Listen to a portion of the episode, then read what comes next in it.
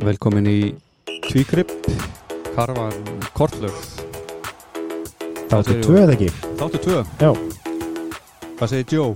ég er bara góður En þú? Við ætlum að taka fyrir tímabilið 1990-1991 Já, Hvað var, hvað var Joe að bralla þá? úf Var þetta ekki fyrsta ári framhaldsskóla? Það rámar eitthvað inn í það Já, ég, ég er yngri en þú þannig að ég var ekki góðin á Hvað varst þú að gera? Ég var að, alltaf að vera aftunum maður í fótbolta held ég. Já, já, Það fóð nú einhver aðra leið. Já. Herðu, þetta var uh, svolítið merkilegt ár. Búið að ganga mikið á í, í heiminum. Og hérna og hérna heima líka náttúrulega. Já, og ef við stiklum aðeins á nokkur hlutum hérna, það var uh, uh, stöð 2 og sín og bylgjan, stjarnan ákveða samin að reksturinn sinn það mun vantalega vera bara stöð 2 í dag eða ekki, eða vóta hún jú, er það ekki Er þetta ekki sama kurli alls saman? Já. Svo var Berlínumúrin, hann var að byrja að rífa hann niður í mæ. Það er náttúrulega stórt Já. Og Chapo Charlie var tekið niður líka í júni. Í Berlín eða? Já. Hvað er þá allir að fara að skoða þegar farið í Berlín og skoða það? Já, sko, það er bara, Þú hefur verið þar já, ég veit nokkusunum, það er bara minninga svona ferðamanna, tourist attraction. Eitthvað endur uppbyggt Já, ég, ég held að sé samt gamli skúrin sem var alltaf, sko. En það var allan tekið niður, þannig að fólk þurfti ekki að fara þannig gegn með vegabrif og leti. Uh, Pessaflóstrið fyrra byrjaði, mannst þetta því herðu, já, ég mani til því Það var eiginlega bara kannski ekkert eftir stríðinu en út af því að þá byrjuðu líkuðu beinar útsendingar bara allan ársins, eða allan sólarhengi sko á sjónvarpinu. Maður gæti kveikt á sjónvarpinu og það var eitthvað CNN eða eitthvað í gangi með útsendinga þaðan. Já, mað, það var ég ætla ekki að segja gaman en það var svona pínu spennandi Það var öðruvísi. Já uh, pít, uh, Fyrsti pizza hött staðinu var opnaður í Söðuríkjunum í September Í hvað? Sovjetríkjónum? Já, Já. í Söðuríkjunum Og voru þau ekki lítið lók? Jú, þau, þau er náttúrulega ekki búin hana sko. þau, þau hætta aðeins setna og þetta er í september 1990 og Margaret Thatcher sagði það sér í nóvumber Hver tók við? Pff, ég maður ekki, maður bara við liðbúlatandur fögnuðum. Já, þú meina Var hún ekki vond við liðbúlatandur? Jú, það var John Major uh, Síðan er það 91 í februar Þá er það sterkasta vindkveða sem helst hefur Íslandi Bara ein vind Já, allana, eftir því sem ég komst næst Hún var 237 km klukkstund Og mæltist í Vestmanniðum Er það ekki nokkuð gott? uh, Jú, og Sko, ég veit ég á ekki að byrja að tala um það og, En Njarvíkingar Þeir sluppu vel út af þessu veðri. Þegar leiknum á móti val var frestað þegar þetta óveðu gekk við landið og uh, á þeim tíma voru sex leikmenn Njarvíkingum veikir þannig að þeir sluppu við að mæti leikin og hérna leiknum frest og allir heyri ferskir þegar leiknum, leiknum hóð síðan fram. Þannig að þið grætta á þessu óviðri. Já, smá. Já, eða kannski ekki. Við kom, komumst að því hvort þetta hafi haft einhver verulega áhrif eða ekki. Já, gerum það. Herra, Króatja, þeir hérna slitu sér frá júguslanska sambandsveikinu og svo var það Dabbi Kongur. Hann var hérna formaður sjálfstæðsflokksins Ok, það er, það voru góðu tímar, eða ekki? eða fyrir suma. Já, já, fyrir suma, já, já En síðan uh, hérna í mass þá, uh, þú kannast við Rodney King Jú, jú. það var hérna uppdakan náði staði þegar að lögreglum er lömdan og það var kveikjana mestu óverum í borginni Já, allt brjálað. og síðan var uh, stiðsta ræða í sögu alþingisflutt í mars 1991 Býtu, um, um, var hann um eitthvað eða? uh, allan er hún svona hljóðandi, svo hljóðandi sko, virðulegi fósiti álveri rísi ekki meira, þetta var Ásker Hannes Eiríksson sem kom með þetta Já, held að hafi reddað málunum. ja, rey, reysi ekki álverið eða hvað Hvaða, hvaða álverð og hvar? það er auðvitað í grundatanga Já, geti verið, já. Þannig að þetta hefur reddast. já, vonandi En hérna áður en við kerum þetta í gang alvöru, þá ætlum við að þakka styrstraðalum okkar fyrir. Og hérna við erum í góðu samstarfi við Bruggósið í garðinum. Uh, Við erum í samstarfi við 1966 EHF sem að framlega góða köruboltavelli. Já, það eru körbóltavellinni sem við sjáum þarna plast fyrir utan eh, skóla og vísvegar í bæjarfjölu. Akkurat, við erum í samstarfi við Bílasölu Reykjanes Humarsöluna og svo margt smátt. Já, og bara þökkuð þeim kærlega fyrir að halda þessu gangandi með okkur án þeirra var þetta ekki hægt sko. En, Jó, við hérna erum að fjallum körbólta. Já. Uh, varst þú í körfu? Þú erum alltaf að segja það Fættur uppalinn Keflavík Æfiði körfu einu sinni En með öðrum orðum Ég mættu eina æfingu Eina viku, ok. Já. Það er þinn ferill. Það er minn ferill og ég hérna Já, það bara Ég veit ekki ekkur, það átti ekki við mig En hafði bara óbílandi áhuga á körfubólta eins og líklegt flestir hérna Já. Þannig að upp sérstaklega, sérstaklega allt úlingastíði í grunnskóla þá fór ég náttúrulega einasta heimaleg sem var og ég tala ekki um þegar var komið fram í svona ja, það var að fara að byrta til á vorin og, og við farin að æfa ykkur í prófi í skólum þá var alltaf bara að fara heim til skóla og náðu ykkur í köruboltafelli sem við keplinga veitir hver erum og hérna bara spilaði körubolti þó sem að var fótbolta og handbolta sinnaður Já. Að minna að fara út í fótbolta. Já, svona strax eftir skóla sko. Svo fór maður á æfingar og, og var fram á kvöld í fótbolta og svo tó- tók sumar við þá hætti maður í körfinni Já, já. Svoleiðis, já. en þinn ferill, hvernig er hann? Uh, já, ég fór allan aðeins fleiri en eina einhver. Ég, Já, já, ég byrjaði ekki að körfið með 15 ára. Ég flutti ekki til Keflavíkunni með 15, eða 14-15 ára. Og uh, ég var ekkert rosa vinsæll á æfingum því ég var svo, alltaf ekki neitt, sko. en, en hérna þú náttúrulega miklu körfubolta ættum Þú hefur náttúrulega fylst með honum áður en að þú flutir enga eða ekki? Sko, nei, í raun og veru ekki. Nú, já, já, Og sko, 14 ára gamall, þegar, þegar ég er að fermast, þá femtist ég fyrir austan. Og það var náttúrulega skilda fyrir fjölskylduna að koma í ferminguna. já, já. Það bara og uh, frænka mín sem við tölum um henni í síðast þætti, Anna Mara Sveins hún var alltaf skildu, sýsti mömmu hún þurfti að mæta. Og við langar að segja daginn áður ég femtist þá var kefla ekki Íslandsmeistar fyrstskiptið. Ok, og hún satt í sófanum heima og grét og grét og grét fyrir að vera ekki hérna og ég skildi það ekki. Ég bara, ég skildi það ekki sko, fyrir mitt litla líf. En ég skildi alveg síðan setna já, setna, já. Þegar ég var komin betur inn í þetta. Já, En Körbáltafröld minn, hann, eh, ég held ég að hætt nú eh, tvítugt allan hérna, svo eh, ég þjálfa, þjálfa enn og þjálfaði þá. Uh, spilaði ég í Danmörku um Íslendingaliði þar í nokkur ár. En síðan, já síðan 2006 hef ég ekki verið bara að þjálfa. Nei, nei Þannig að þetta er bara áhuga í okkur. Svo reyndar verði að bæta smá við hjá mér. Það er nú ekki mikið, en eftir þess einu æfingu leið og beð tíminn og ég fór í framhaldsskóla og svo fór ég að læra að vera íþróttakennari á lauguvatni og þar spilaði ég bara nokkra leiki í svo kvölduðu hérasmóti uh, sem mér, að mér langar ekki að segja sveita Körbált en það var eitthvað svona Já, svona nokkuð veginn. Ok. en, en samt sko, ef maður spári ég í dag þú veist, þá var ég að spila í hérasmóti við spiluðum sem IKI, Íþróttakennarskóli Íslands. Við vorum að spila mútið laugdælum þar voru nokkrir já, væntanlegir Íslandsmæstarir körfu og eitt sem er bara að þjálfa núna Nú, í liðinu. hver?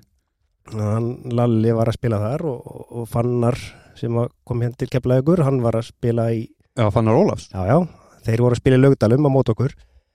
Og svo spiluðum við á móti Hamri og svo leið sem að voru bara lítilið þá. En ég var allavega eitthvað að skráða leiki það voru að gera skýslur og þetta var alvöru mót. Já, og, Já, já. og að ég átti smá feril, já. ekki langan. En fegst þú að taka þátt í þessu?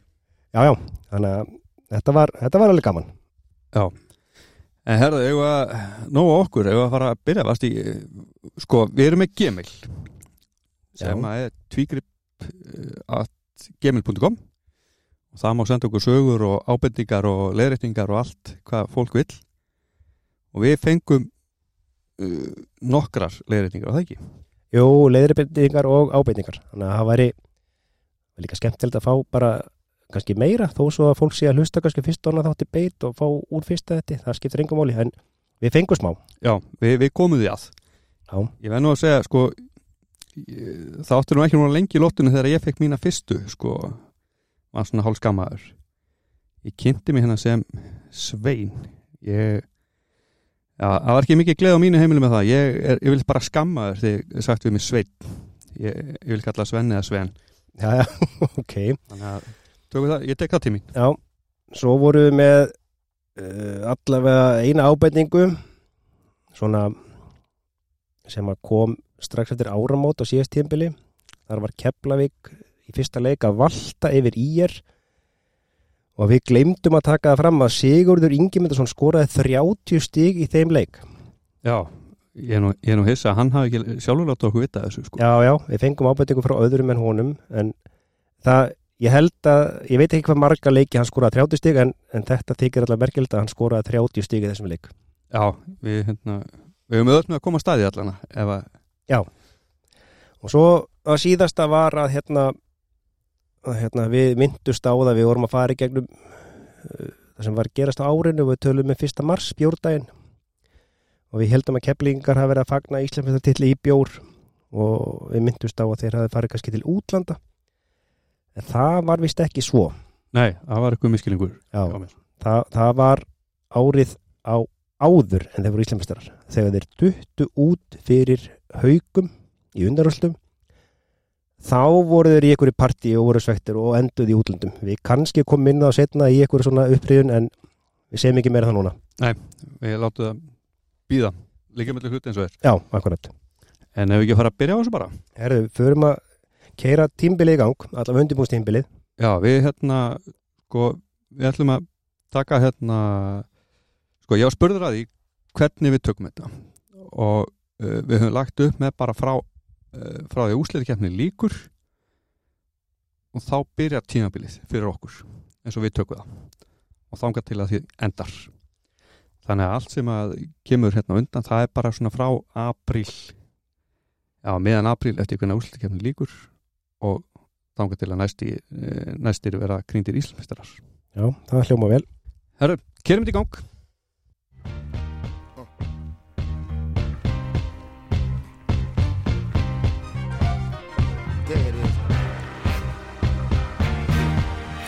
Herru, já, að hérna Já, tímbilið var að byrja. Já, það var eða undirbústímbilið Move Herru, það var uh, sleið upp að, að hérna, Jón K.R.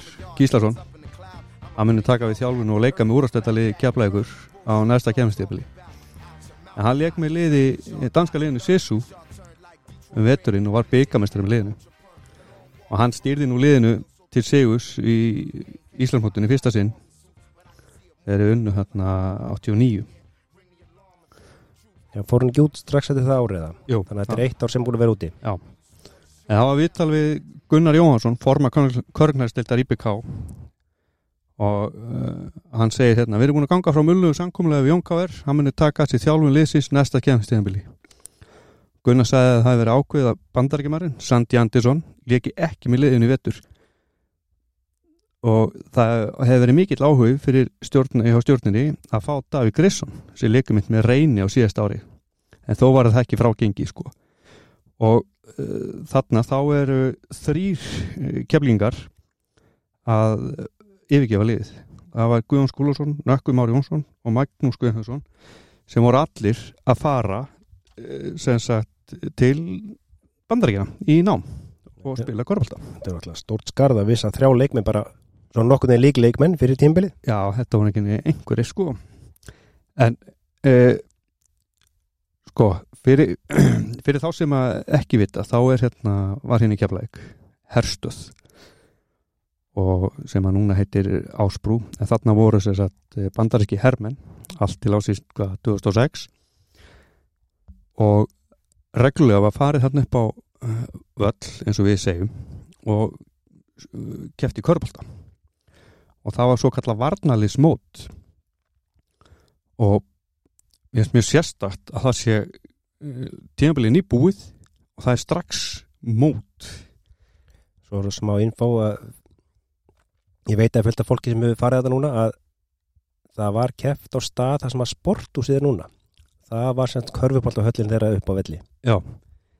Og uh, þetta var svona með einu skiptun sem að gætt fara þannig uppbyttir og uh, ekki að lendi í neinu vesin þú mátti fara hann uppbyttir og fara á vendi sjáfell það var bara veisla.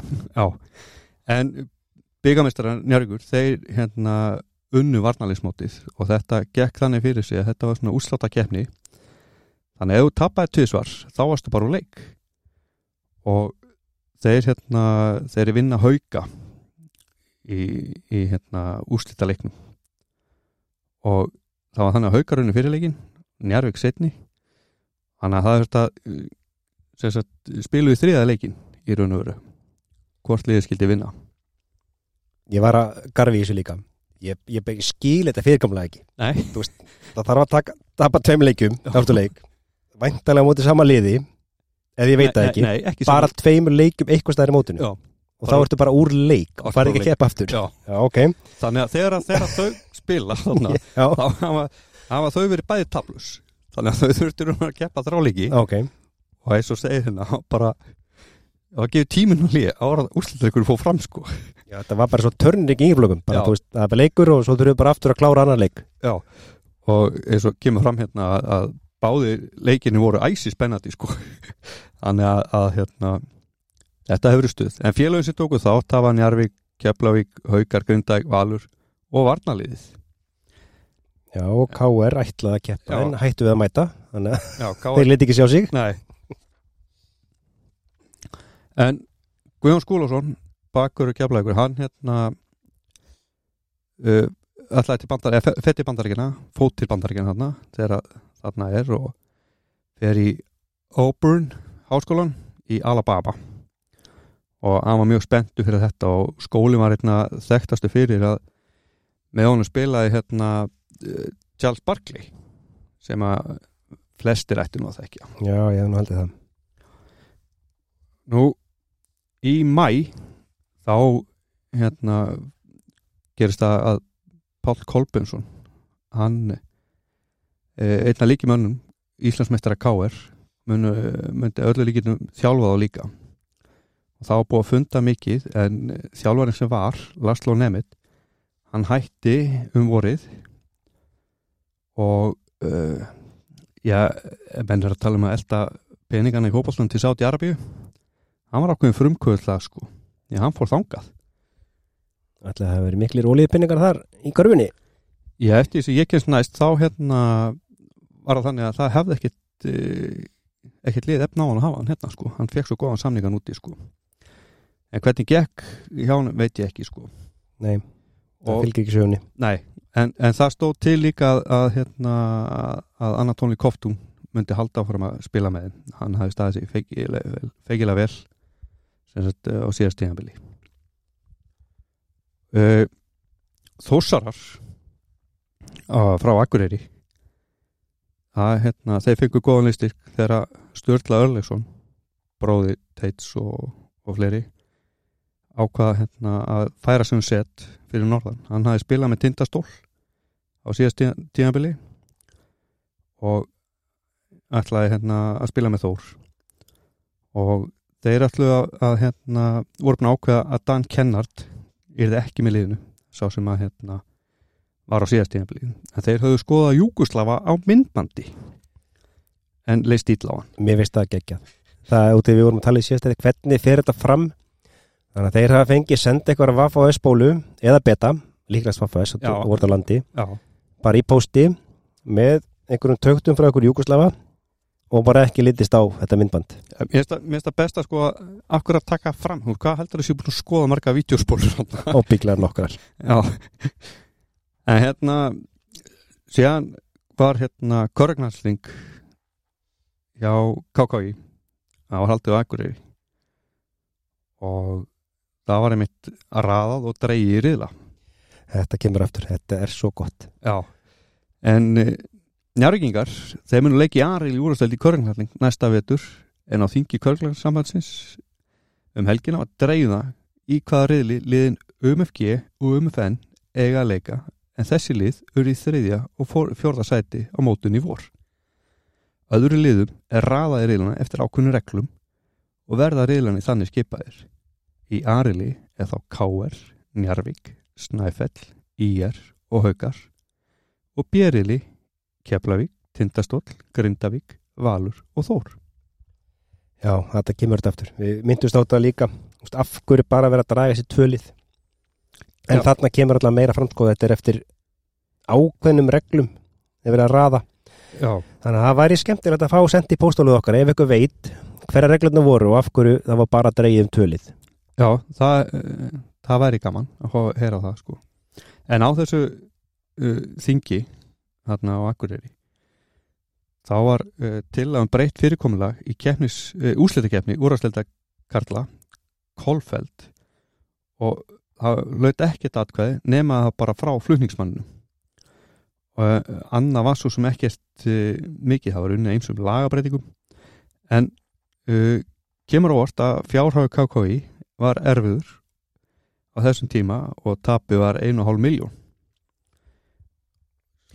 er það ekki bara ennþá eitthvað Jú, ég hugsa það. En mér langar rosalega mik mikið að vita hvernig þessi tillag var. já það, það kemur ekki Það kemur ekkert bara einhver tillag var kolfeld, þetta hefur verið eitthvað alveg galinn tillag. Og svo var það eitt hérna í viðbóti í þessu að þeir voru hérna að tala um á þessu þingi að Íslasmótið í Kaurubólda var mun skemmtilegra en í annari boltaíþrótt. Ég er að spá, eru þeir að skjóta á handboltan eða þetta er svona smá, já, þá, þá þurfa menn að útskýra hvað er skemmtilegt. Já, nákvæmlega. en, en sko, Kolbjörn Pálsson hann var endur kjöru forma KKI og aðri í stjórn voru kostnir Einar Bollásson, Kristinn Stefánsson og Guðmundur Þorsteinsson. En fyrir í stjórn voru Kristinn Albersson Gunnar Þorvarðarsson og Jón Þór Hannesson og það er svolítið mikilvægt að við munum uh, Gunnar Þorvarðarsson sem fór úr stjórn Það- við komum að því betur uh, síðar í þettinum en eins og við sagðum, þingi var haldið á ekkur og þetta var fyrst í 30 ár sem að þingi er ekki haldið í Reykjavík Já, það er ekki fleiri sérsamtum með eitthvað svona, úst. Það er ofta neða, þetta er alltaf bara á höfuborgsæðinu eða í kringum það. Jó, það geti verið sko En svo kom að, að káeringar þeir, hann Páll Kolbens hann kvittaði undir samning.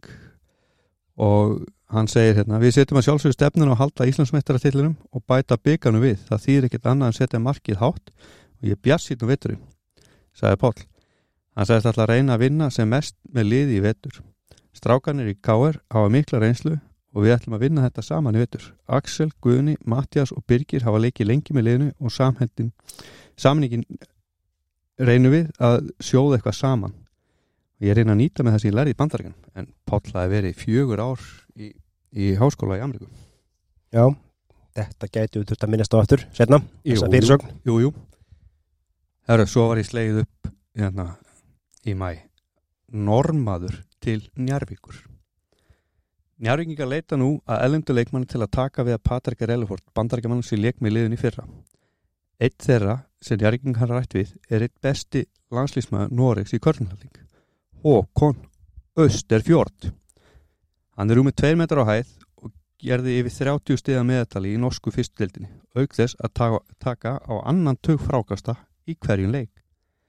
Íslendingar munu líklega eftir honum en hann var eitt besti leikmaður norska liðsins á Norrlandamótunum sem fór fram á Suðunusum í fyrra og undankefni EM sem fór fram í Reykjavík 1986. Gunnar Gunnarsson, formaða Körnlæslein Njarvíkur, sagðist að það rætt stuttlega við Östu fjord en ekki verið tekin einn ákvörðun.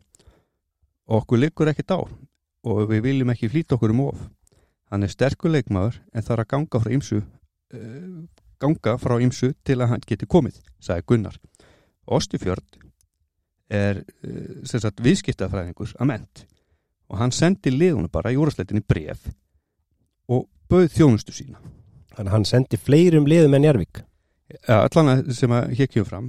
Og hann lagði áherslu á að hann vildi fá góða vinnu. Og það stóði eða nýjurinn í kunni og það var ekki auðvöld að finna vinnu fyrir ennskumælandi viðskiptafræðinga á Íslandi. Sko ég hérna fór aðeins að forvittnast með hennar mann. Hann hérna Håkon. Og hann er sem sagt hálfur uh, bandarækjamaður og er meira og minna búin að alast þar upp bara. Í bandaríkjunum. Já, Já. hann sem að spilaði í Utah State í NCAA-dild hann að 78 til 82 og hann var með 7 stegi í leik og cirka 5 frákust í þessum 80 leikjum sem hann spilaði. Svo 90 og 91 þá var hann í CPA-tildinni og það er eftir að kaupa mynd á eBay af kappanum á 1 dólar. Já, Já. er spurning að finna bara að splæsa í hana splæsa í, já, Já. það er aldrei að vita sko. Það er Hann- já, ok. En hann var sem sagt stigahestur á EM 86 og ásætti að taka flest frákost ég veit ekki hvort mannstættir þegar Pálma Sigursson skoraði þryggjastæði hverf og dreið okkur Sigurinn á móti Noregi? Nei, mann ekki alveg eftir því. Nei, í löðsvöldi, það var uh, Håkon að spila þar.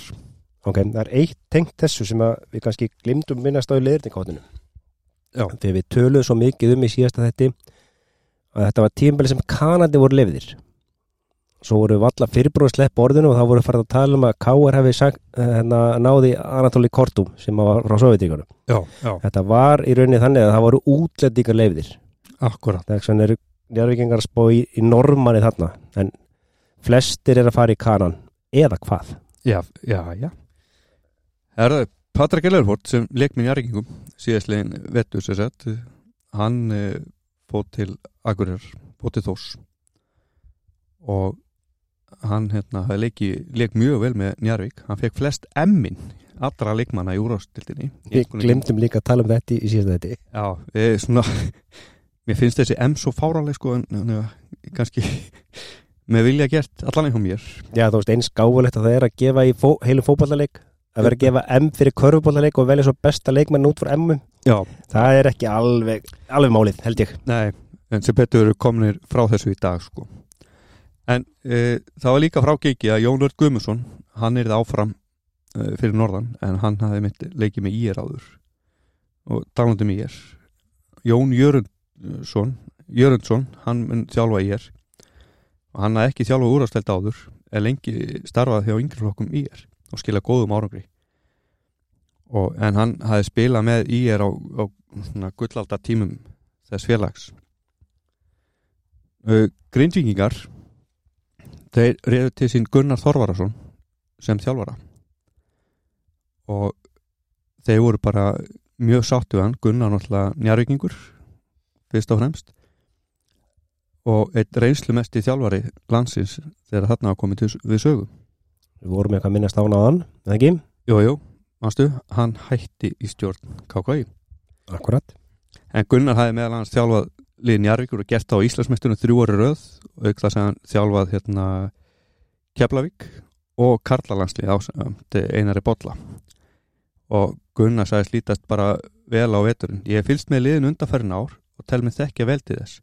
Ég hef trú á liðinu en það vantar ákveðina keppnisreynslu og sagði Gunnar og samningur til tvekki ára og, og þeir vonuðist eftir að Guðmundur Bragason myndi vera með liðinu áfram en hann var með tilbúð frá hérna uh, háskólum í Bandaríkjum hann ætlaði sér í framhalsnám í rafvirkjun.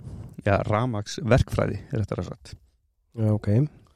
Uh, Anatóni Kóftun hann var búinn að ákveða að leika áfram með Káringum og gerði hérna framleiti samningin var með eins á samning og ákvaða að framleika hann? Við gáir við Káar uh, Tindastólsmenn þeir uh, reyndu ætluðu að reyna að fá hann Einar Einarsson bakur úr Keflavík til þess að koma hérna á krókin og spila með og uh, eins og við erum búin að minnast á áður þá var Guðjón Skúlósson að fara Nökkum á Jónsson og Magnús Guðmundsson Svolítið margir úr góðu liðin.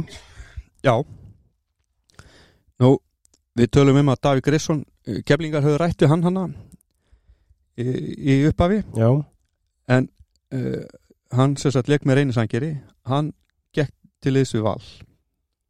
Og, ok. og ætlaði að leysa hann að Chris Bernhards á hólmi. Og það var ekki komað hreint hver hérna væri þjálfari liðsins. En þeir ætlaði að leita til austur Evrópu að þjálfara og þeir ætlaði að setja fulla kraft í það sko. Og þeir eh, hérna fengu líka Magnús Mattiasson til við sig. Bróði Mattiasa sem spilaði með vala á síðast tíðanbili en þeir bræður eru rúmi tveir metrar á hæð. Stór stykki. Já, þannig að Grissom, hann var og þriði útlendingurinn sem ætlaði að vera áfram á Íslandi. Það er sem þetta Grissom, Patrik Elford og síðan hérna Anthony Koftum Já. Heru, þá er það uh, Óli Gott hann ætlaði að leika með Grindavík í korfu eða var að veltaði fyrir sér. En hann var sem sagt að spila með geflaug í korfu og var markmaður Káer í knaspinu og þá var hann vantanlega búin að skipta yfir frá Akranesi yfir í Káir þetta sumar eða þetta haustið eða- Já, þannig að uh, hann segir hérna ef ég verði í korfin áfram þá er það líklega Grindavík. Ég er mikið að velta því fyrir mér að innbytta mér að fótboltarum og þrátt fyrir að korfbolti sé mjög góð æfing þá er alltaf hætta á meðslum sem er nú eðlilegt. Já, já, en, en hann er hérna sko, hann segir hérna að hann mistar leikjum með KR í Reykjavíkumótunni fótbolta að því hann kviðslipnaði í korfbolta með keflæk það er ekki gott. Ég veit ekki hversu gladur nei, ekki vinsalt hjá sko, sem er að kaupa hann í markið hjá sér. Nei. en hann var spenntastu fyrir Grindavík og hann vildi helst vera hjá Gunnar Þorvara sem, var nýbúin að taka við Grindavík. Okay. svo er að Koftum. Hann var nú uh, eins og að koma inn og hann var helviti góður í fótbolta, nei, korfbolta fyrir ekki uh, að hann afþakkaði sæti í átjáman hóp sovjíska landstísins í korfknallik fyrir heimsmeistarkefni í Argentínu sem átti að vera í ágúst Koftum sagðist ekki vera tilbúin fyrir undirbúnings landslýsins og vildi frekar einbytta sér leikum með káur á Íslandi. Neita sovjetmönnum mér finnst þetta rosalega stórt sko. Sovjetiríkin er ekkert eðlilega stórt land og ef þú ert komin í átjörnum manna hóp þar Já, þá, þá getur eitthvað í korf á ertu góður. Það voru fjóri káringar sem ætluðu að, hérna, að heimsækja hann og fá að fylgjast með undirbúning sovjetmanna það voru þeir Axel Nikolásson, Mattias Einarsson Guðni Guðna og Ólaður Guðmundsson þeir ætlaði að heimsækja hann í eins og þess að teimaborginas sem Verapol já, ég venn nú að segja reyna að söga Axeli heitum Nikolás já, uh, ég vann í í, já við getum bara sagt Sangup sem var þá kaufélagsuðunis eða kaufélagi bara hana. Já, Netto. Hann var vestlunarstjóri þar. Axel? Og ég vann í kjötinu þar svo ég var alltaf að þvælast þarna eitthvað á laginum og eitt félagi minn sem var lagerdrengur var að opna hérna, taka plast utan að bretti að tökjaldra kóklúskum plasti. Ok, og hann var eitthvað svona var bara að spjallaði mig og var ekkert að drífa sig. Axel kemur svona strömsandi framhjá svona drellfítni í jakkafötu með bindi og skirtu og allir pakkin nema hvað hann stoppar og segir hvað er það að gera drengur? Og hann segir ég er að skera plastið af. Hann með svona dúkanýf já, Axel segir herru kontum með þú átt ekki að gera þetta svona. Tekur hnífin og köttar svona niður mjög hratt. Nema hvað hann sprengdi tvær flösku sem að og allt kóki fór yfir Axel. Hann var brjálaður. Lesu sér minni góðs manns. Í jakkafötunum. Í jakkaðu, hann, var- hann var ekki glad hann var, hann, hvort hann var að koma fundið á leiðin á fund hann var allan mjög reyður en hann gaf bara sjálfur sinni kent og engum öðrum. Já, já, það er rétt. Herru, nýlega Snæfells þeir réðu til sín Reyn Þorgils. Og hann hérna ætlaði líka að leika með liðinu. Hann hef, var gamarindur í úrstættin og þjálfaði með hann Skeflavík fyrir nokkrum árum. Og spilaði með Val og átti 44 alansleikja baki. Eh, þú varst að tala um fjölbætaskólan daginn? Já, já, varst í tíma hjá bróður hans? Gilva nei, Já, ok. nei, ég hef með sögur reynu eftir samt. Ok, Já. hlaka til. Ég vil bara fór í tvær kennslundi hjá Gilva og var það stuð? Það var gaman örgla en ég hérna ég hætti í Já, skóla. Já. Herru, ok. En þeir eiga áttu von á hérna uh, frekari hérna, styrkingu og voru að hérna, standi í samningaverða við leikna frá Ungvarlandi sem hafi leikið með aðlandslið Ungvarra já, það er skemmtilegt. Nú, tindastórsmenn það leit út fyrir að þeir eru fyrnasterkir en þeir hérna riðu til sín tjekkneskan þjálfara og sovjíska leikmann. Mér langar að aðeins stoppa hérna. Já, ég veit ekki alveg hvernig á að koma orðað þessu en þú veist, tjekki og rússi höfum við ekki heyrt þetta áður bara frá tímbilin áður? Hvern, hvern, hvernig var Káur sem var Íslamestari árið áður? Það var Ungveri var það ungveri? Lasnum, já, já, Ungveri. Já, ok. En, já, þetta er næstu, næstu samblanda næstu samanblanda já, sko. það er allavega verið að blanda einhverju austantjáls saman Halló. til þess að þjálfa og spila. Já, ma maður veldi fyrir sig sko að því að uh, þósara þeir voru að skoða menn frá Austur-Európu, valsmenn voru að sko, leita þjálfara frá Austur-Európu maður voru að velta fyrir sko er það því að það gekk svo vel hjá Káer að þá ætlu allir elda það. Ég hugsa það já eða þú veist, ég ímynda mér það. Getur verið það, sko. það bara, þú veist, það gekk vel þá bara förum við í austrið í staðan fyrir bandaríkin. Já, en tjekneski þjálfarin Milan Rosenegg hann var 49 ára gamall. Og býtu, hann á að baki glæslega feril í 38 ár sem leikmaður og þjálfari í heimalandi sín já, ok, gottum með það. Ég bara, hann er 49 ára já, og glæslega feril í 38 ár já, með það? Já, já, já, já, ég skil. Það, er- það er gott. byrjum maður að telja feril bara frá 11 ára aldrei eða já, hvað en hvað sagði hann nafnið að það væri aftur? Milan Rosenegg, já, ekki? er ekki eitthvað þarna fyrir fram að nafnið? Hann heitir Dótt Já, það, það, það kemur, hann er doktor, já, já, já, já, mér veist það svolítið fyndið út af því að þú veist, þegar að menn komið frá Tjekklandi eða Tjekkoslovakíu þú veist, káar í fótbolltunum reyði til því þjálfara svipið tíma sem var doktor Ivan Sokor. Já. og þessi með sem er doktor Milan Rosanek. Er það eitthvað betur en eitthvað annað, þú veist, í hverju eru þeir doktorar? Já, ég átta mig ekki alveg á því. Það kom ekki fram. En, en, en sko þessi doktor Milan þessi 49 ára gamli hann var sagt fósetti þjálfarasamband Slovakíu og var að forma tekniska körnhaldssambandsins. En á þessum tíma þá er sem sagt uh, Tjekkoslovakia Já. ekki uh, sem sagt þau voru ekki búin að splittast upp sem sagt uh, ertu að segja, eða útskýra sem sagt þau voru ekki búin að splittast upp en samt voru þau ekki sagt, þetta var eiginlega bara tvö lönd, Tjekkland Já. og Slovakia Já. en samt voru þau ekki komið sjálfstæði þannig að voru á leiðin í það En uh, ég er að þjálfa, nei, hérna, fósetti þjálfara samband Slovakíu og varaforma hjá Tjekklandi, en ekkert mál. Já, það er bara, þú ert bara allt í öllu þarna. Já, já. En sovjerski leikmaðurinn, hann var 26 ára gamall og Alexander Sjevjenko á 211 cm hæð. Og hann hafði leikið með A og B liði landsliði hérna Sovjeturíkina Ok, það er, er stórt líka. Og að auki var Einar Einarsson frá Keflavík að koma til Tindastóls. Já, Nú, grindvíkingar, þeir held áfram að bæta þessum mönnum þegar að Jónas Krispjörnsson, bakurinn öflugi sem leikminn Jarvík, ákvaða að ganga til þessu við hérna, Grindæk. En hann hafði leikið á Víksl með Jarvík og Káer uh, síðast liðin ár. Og hvað voru það mörgar? Njarvík, Káir, Njarvík, Káir á Víksl uh, það ekki hefði verið þá Jarvík, Káer, Jarvík, Grindæk. Svoleiðis. einhvers og leiðis og síðan hérna Sveinbjörn Sigursson hann hafði komið frá val til þeirra líka. En á móti höfðu njárgingar fengi Hreiðar Hreiðarsson sem var sem sagt fyrirlegin þeirra en hann hafði tekið sér frí ári áður. Uh, veit nú ekki hvað hann fór að gera. Nei,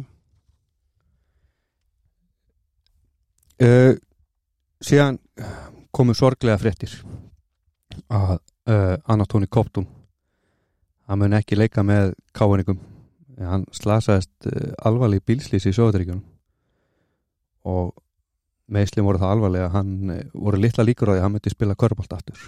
Hann kjálka og nefnbrotnaði og munu öllu líkitum uh, misti sjónina á vinstra auga.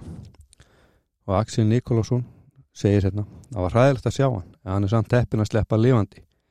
Við viljum hafa hann áfram en ég efast um að geti leikið. Við ætlum þó að býða og sjá til. En það hérna fór nú svo að, að hann kom ekki. Þetta er rosalega að heyra. Já og sá sem að lendi í bílslýsi við hann lést. Já, þetta er sokalegt já en þeir voru mitt stattir hann út í, í Sovjetaríkjunum, Axel og félagar eins og við mittst á Já, í ferðinni sem við vorum að fara í.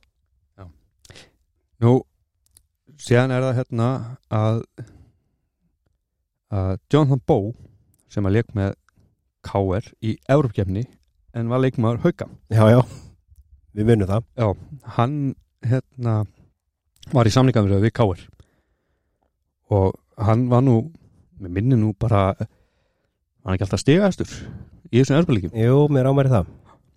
Og það hérna Hann gæti allavega tróðið Já, hann gætt tróðið og valsmenn þeir voru í viðræðum við Vladimir Obukov um að þjálfa liðið og hann var uh, sagt 53 ára og reyndu þjálfari þjálfa hans aðlandslið sovjetmanna um tvekjar á skeið og úlingalið líka.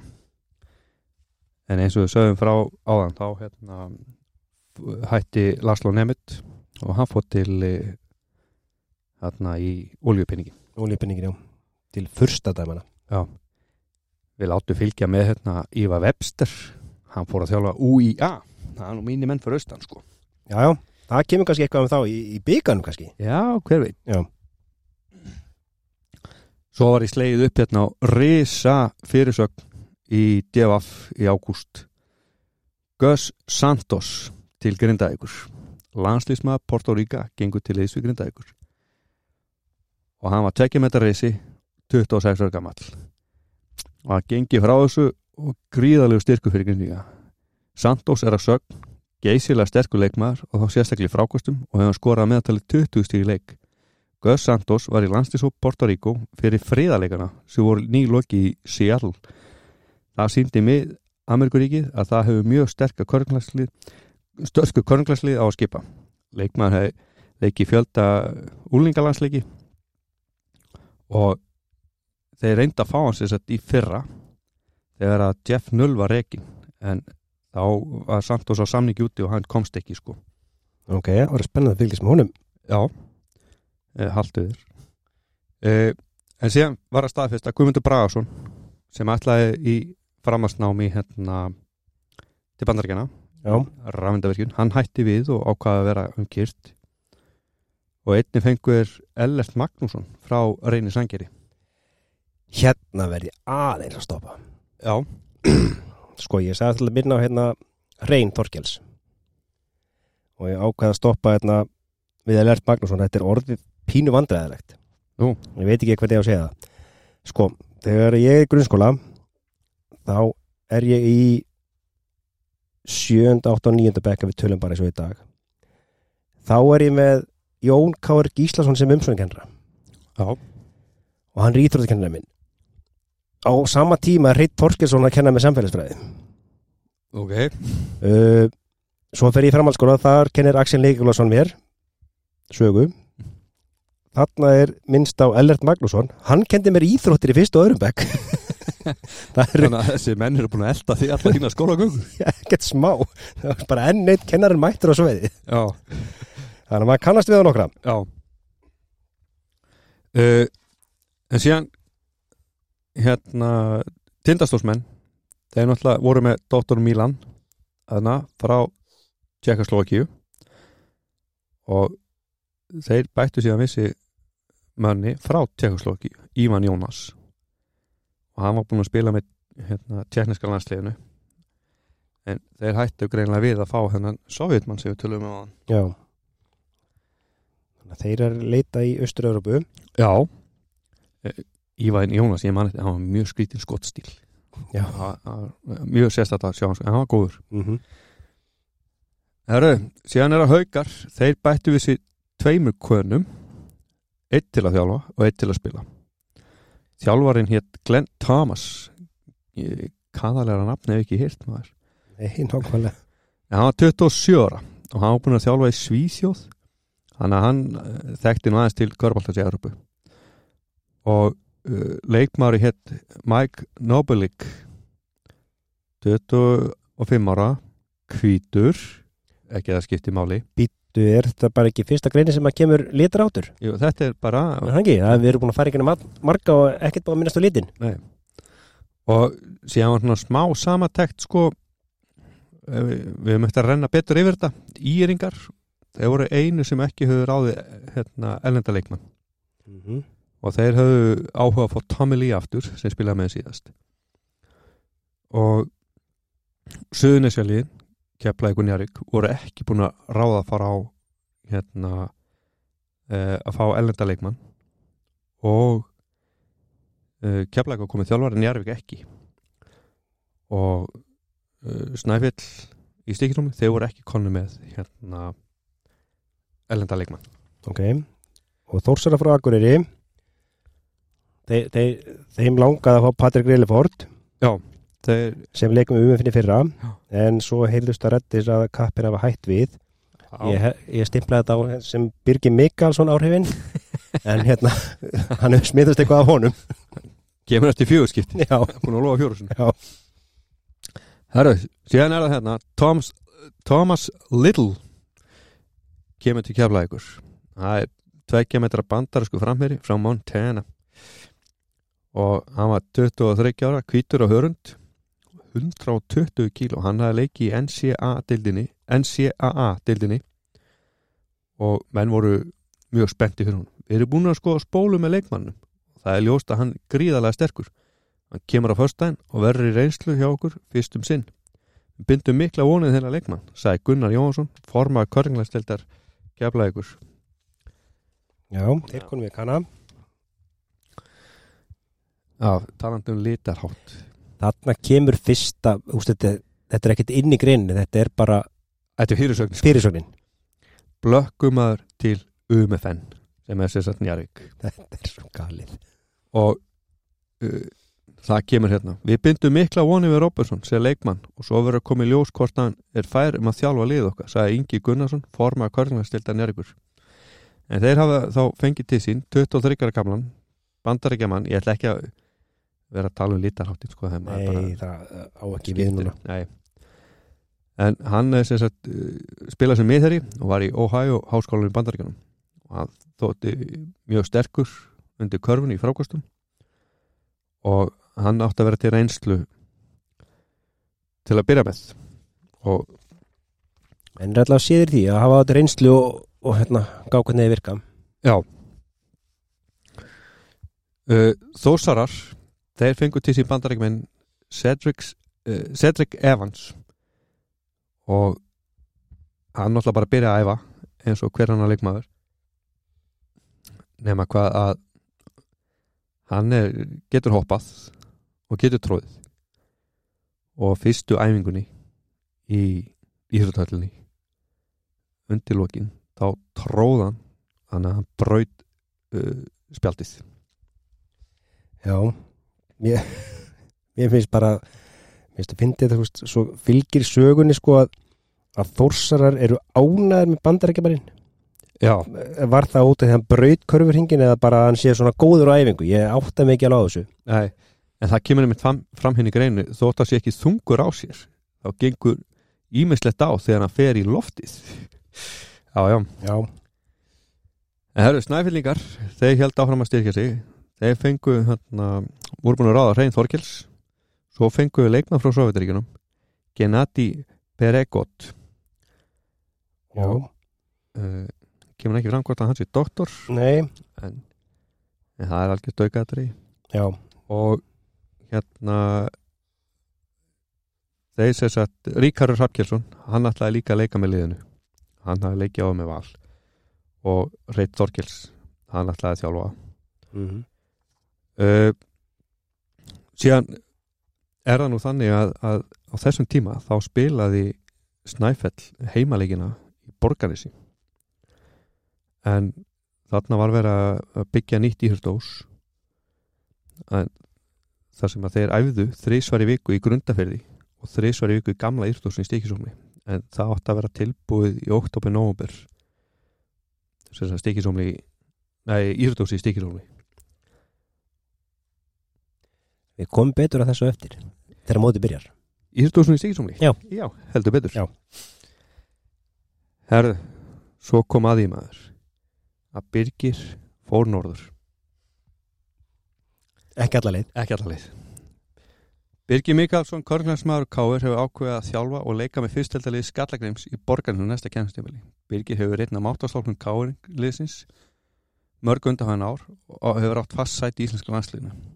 Skallagrimi lendum miðja fyrstild á síðast ári og nú er mikill hugur í forramæluliðsis að gera enn betur og vinna sæti úrstildinni.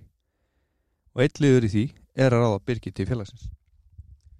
Ok, það er bara gott að blessa sko, en, en manstu það, það sem Páll sagði sko, hann lakaði til að starra með þessum mönnum í káir að því þau voru svo reynslu miklir já, og að missa bygga, eða Birgir, það held ég að hefði nú verið svolítið að því að það verður eitthvað um meðsli í, já, þessum mönnum hann í káir já. Ég hugsa líka bara til stjórnarnir í borganes þeir að semja við Birgi. Já, bara ætla hann mæta fyrsta æfingunni eða, eða eru að býði fjögur ár. Hvað er búin að lofa ofta að koma? Já. en allavega Já, hann, hann fór allavega. Já. En síðan er það Björn Sigtryggsson. Hann ákvað að ganga til ís við hauka í hafnafyrir en hann hafði leikið með tindastól.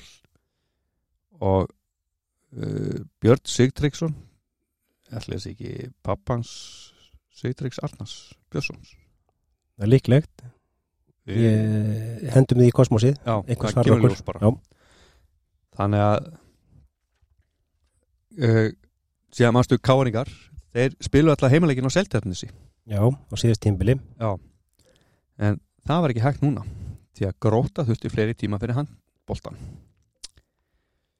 uh, Þannig að káningar þurfti að færa sig í lögatarsvölluna og þeir áttu bara engin uh, í engin önnur hús að venda því að þeir gátt ekki fara í hagaskóla. Ég komst út hérna inn í hagaskóla? Uh, já, einu sinni að tvisar Já, það var mjög sérstætt að spila þar. Ég spilaði nokkra leikið þar í körfu með yngri flokkum, það var mjög spes að vera þar. En af hverju eru þeir bara svona munaðalösir í, í völlum? Þú veist, hvenær, hvenær fóru þeir líka áreimlið Já, það er góð spurning. Við, við komum því eftir nokkur ár já, heldur það ekki? Jú, öruglega, alveg pottitt Herru, síðan mannst eftir Gus Santos frá Porto Rico? Já, í Grindavík. Við vorum spenntir að sjá hann. Já. En hann er farin heim. Nú, ekki búin að spila leikaða Nepp. Santos fór heim að persónum ástæðum. Hann vistist þungur og áhugaðlös á æfingum. Það var greinist eitthvað að hjá honum. Þannig að það var samkomulega að hann færi Segir Margir Guðmundsson Var að formara körglastildan Jörgur Grindavík vantilega Akkurat, ég var að fara að segja já, Uh, Margir segir að umbóðsmaður að þeir var í, í sambandi umbóðsmann í Florida og var búin að benda með Anthony King 26 ára gamla mann frá uh, New York. Hann var sterkur leikmaður og með gífulega stökkraft. Einni er að velta fyrir sig var Darin Folks sem að spilaði með þeim á síðast ári sko. já, en síðan fóru nú liðin að, að keppi í körfu. Og það var hérna æfingamóti í körbólta sem fór, á, fór fram á Söðagröki það leiku sagt þrjú úrastöldalið Tindastótt, Þór og Snæfell.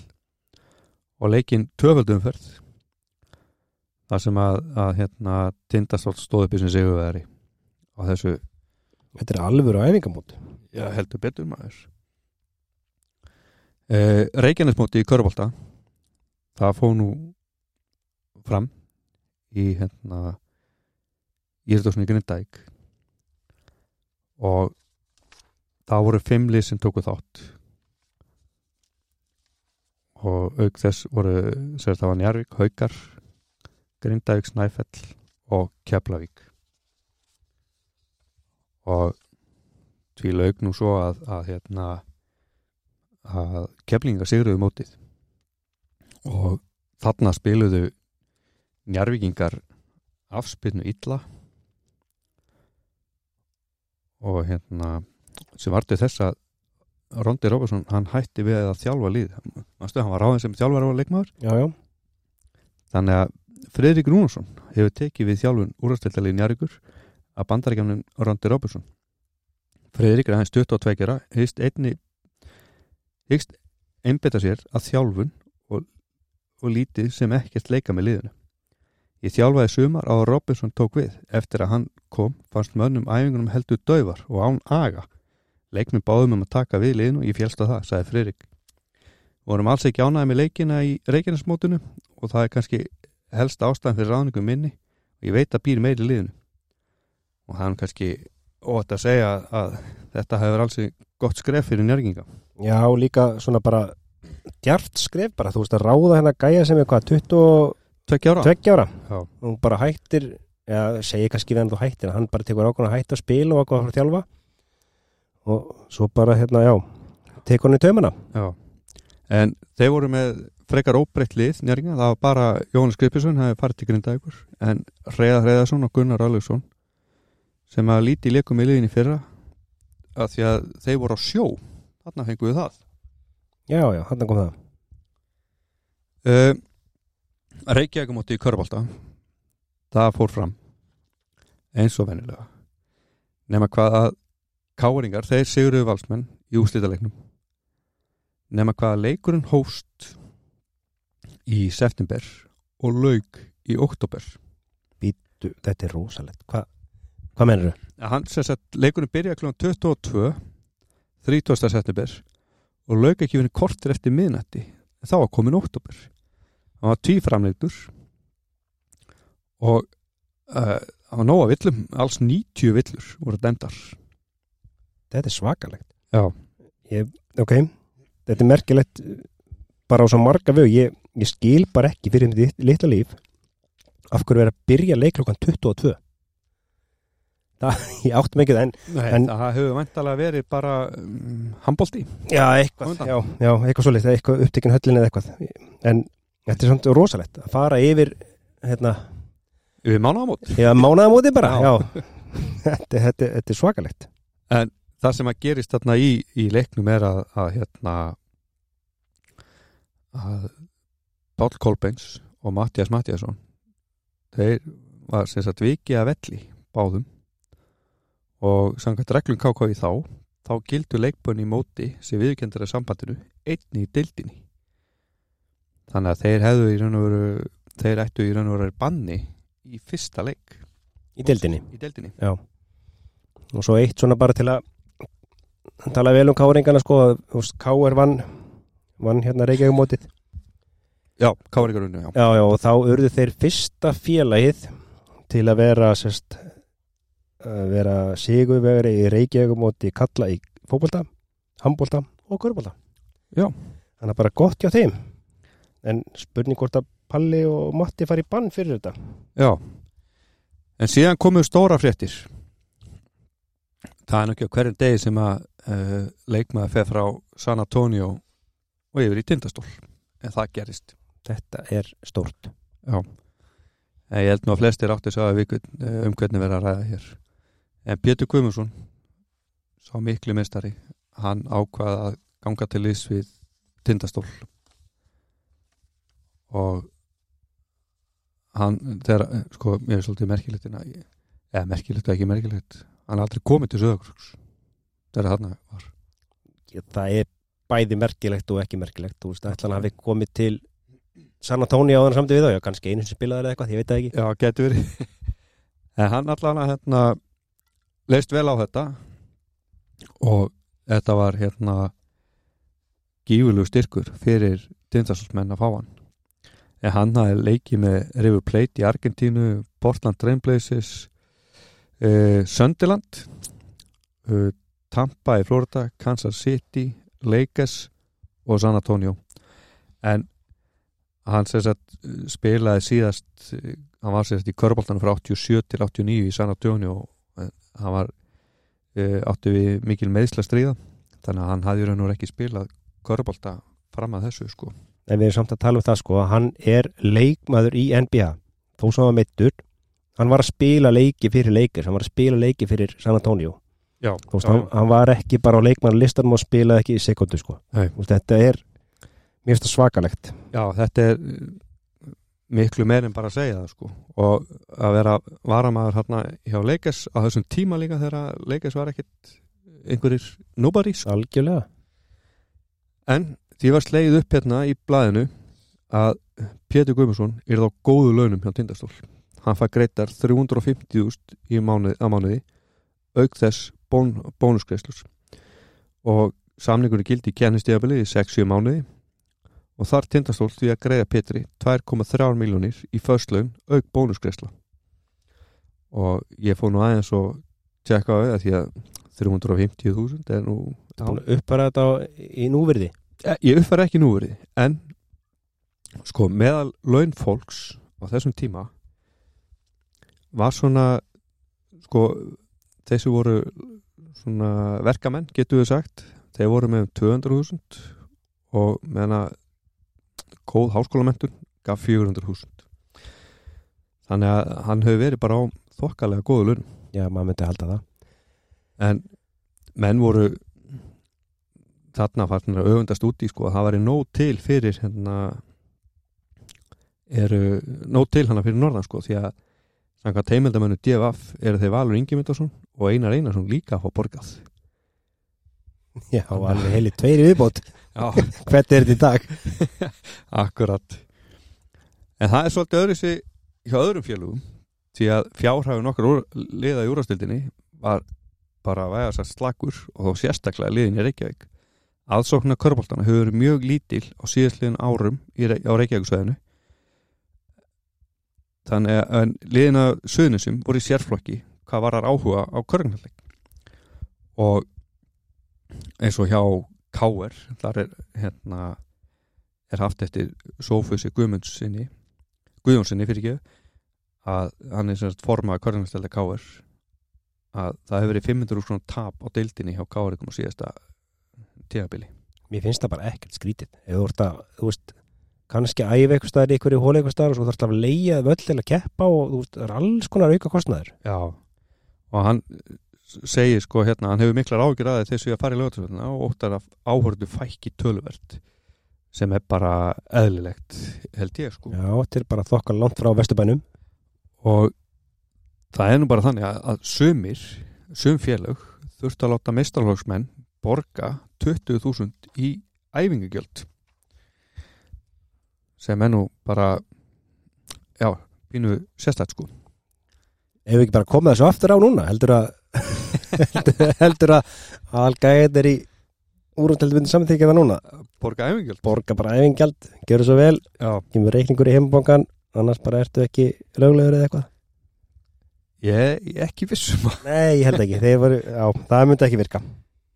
En uh, það var náttúrulega gerð spá fyrir úrvarsleitina og það var Njarvík spá fyrsta seti Káur öðru seti Grindavík fjórða og Keflavík fymta Nei fjórða.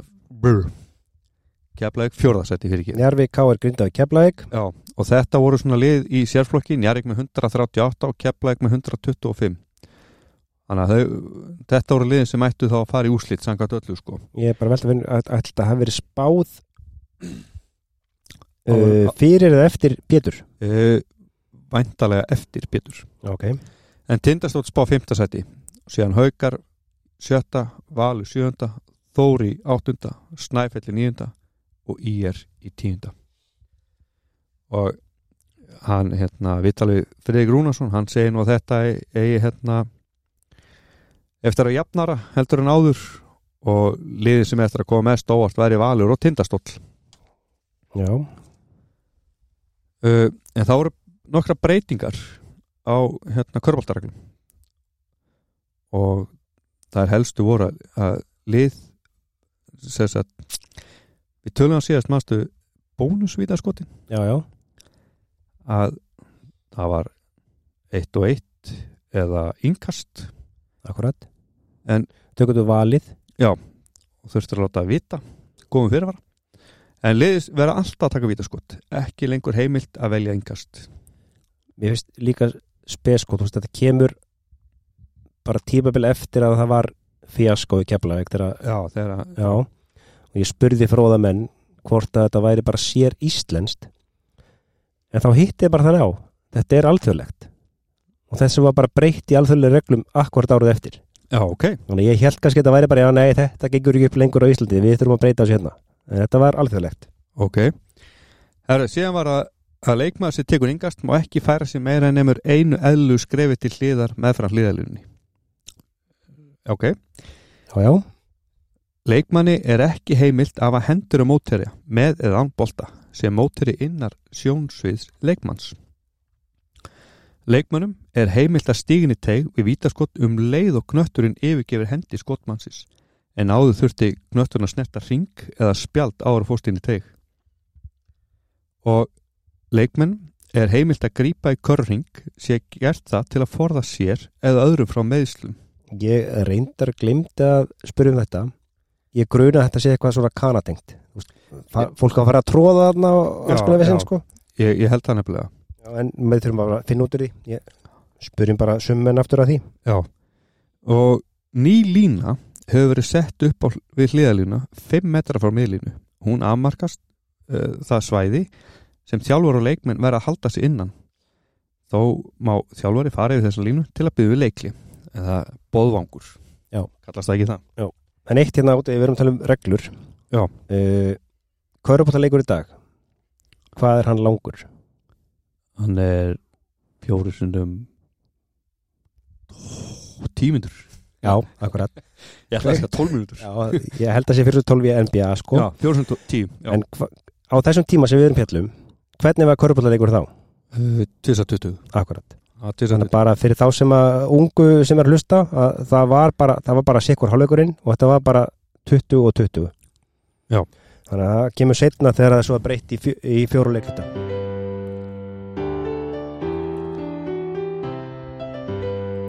ef við ekki að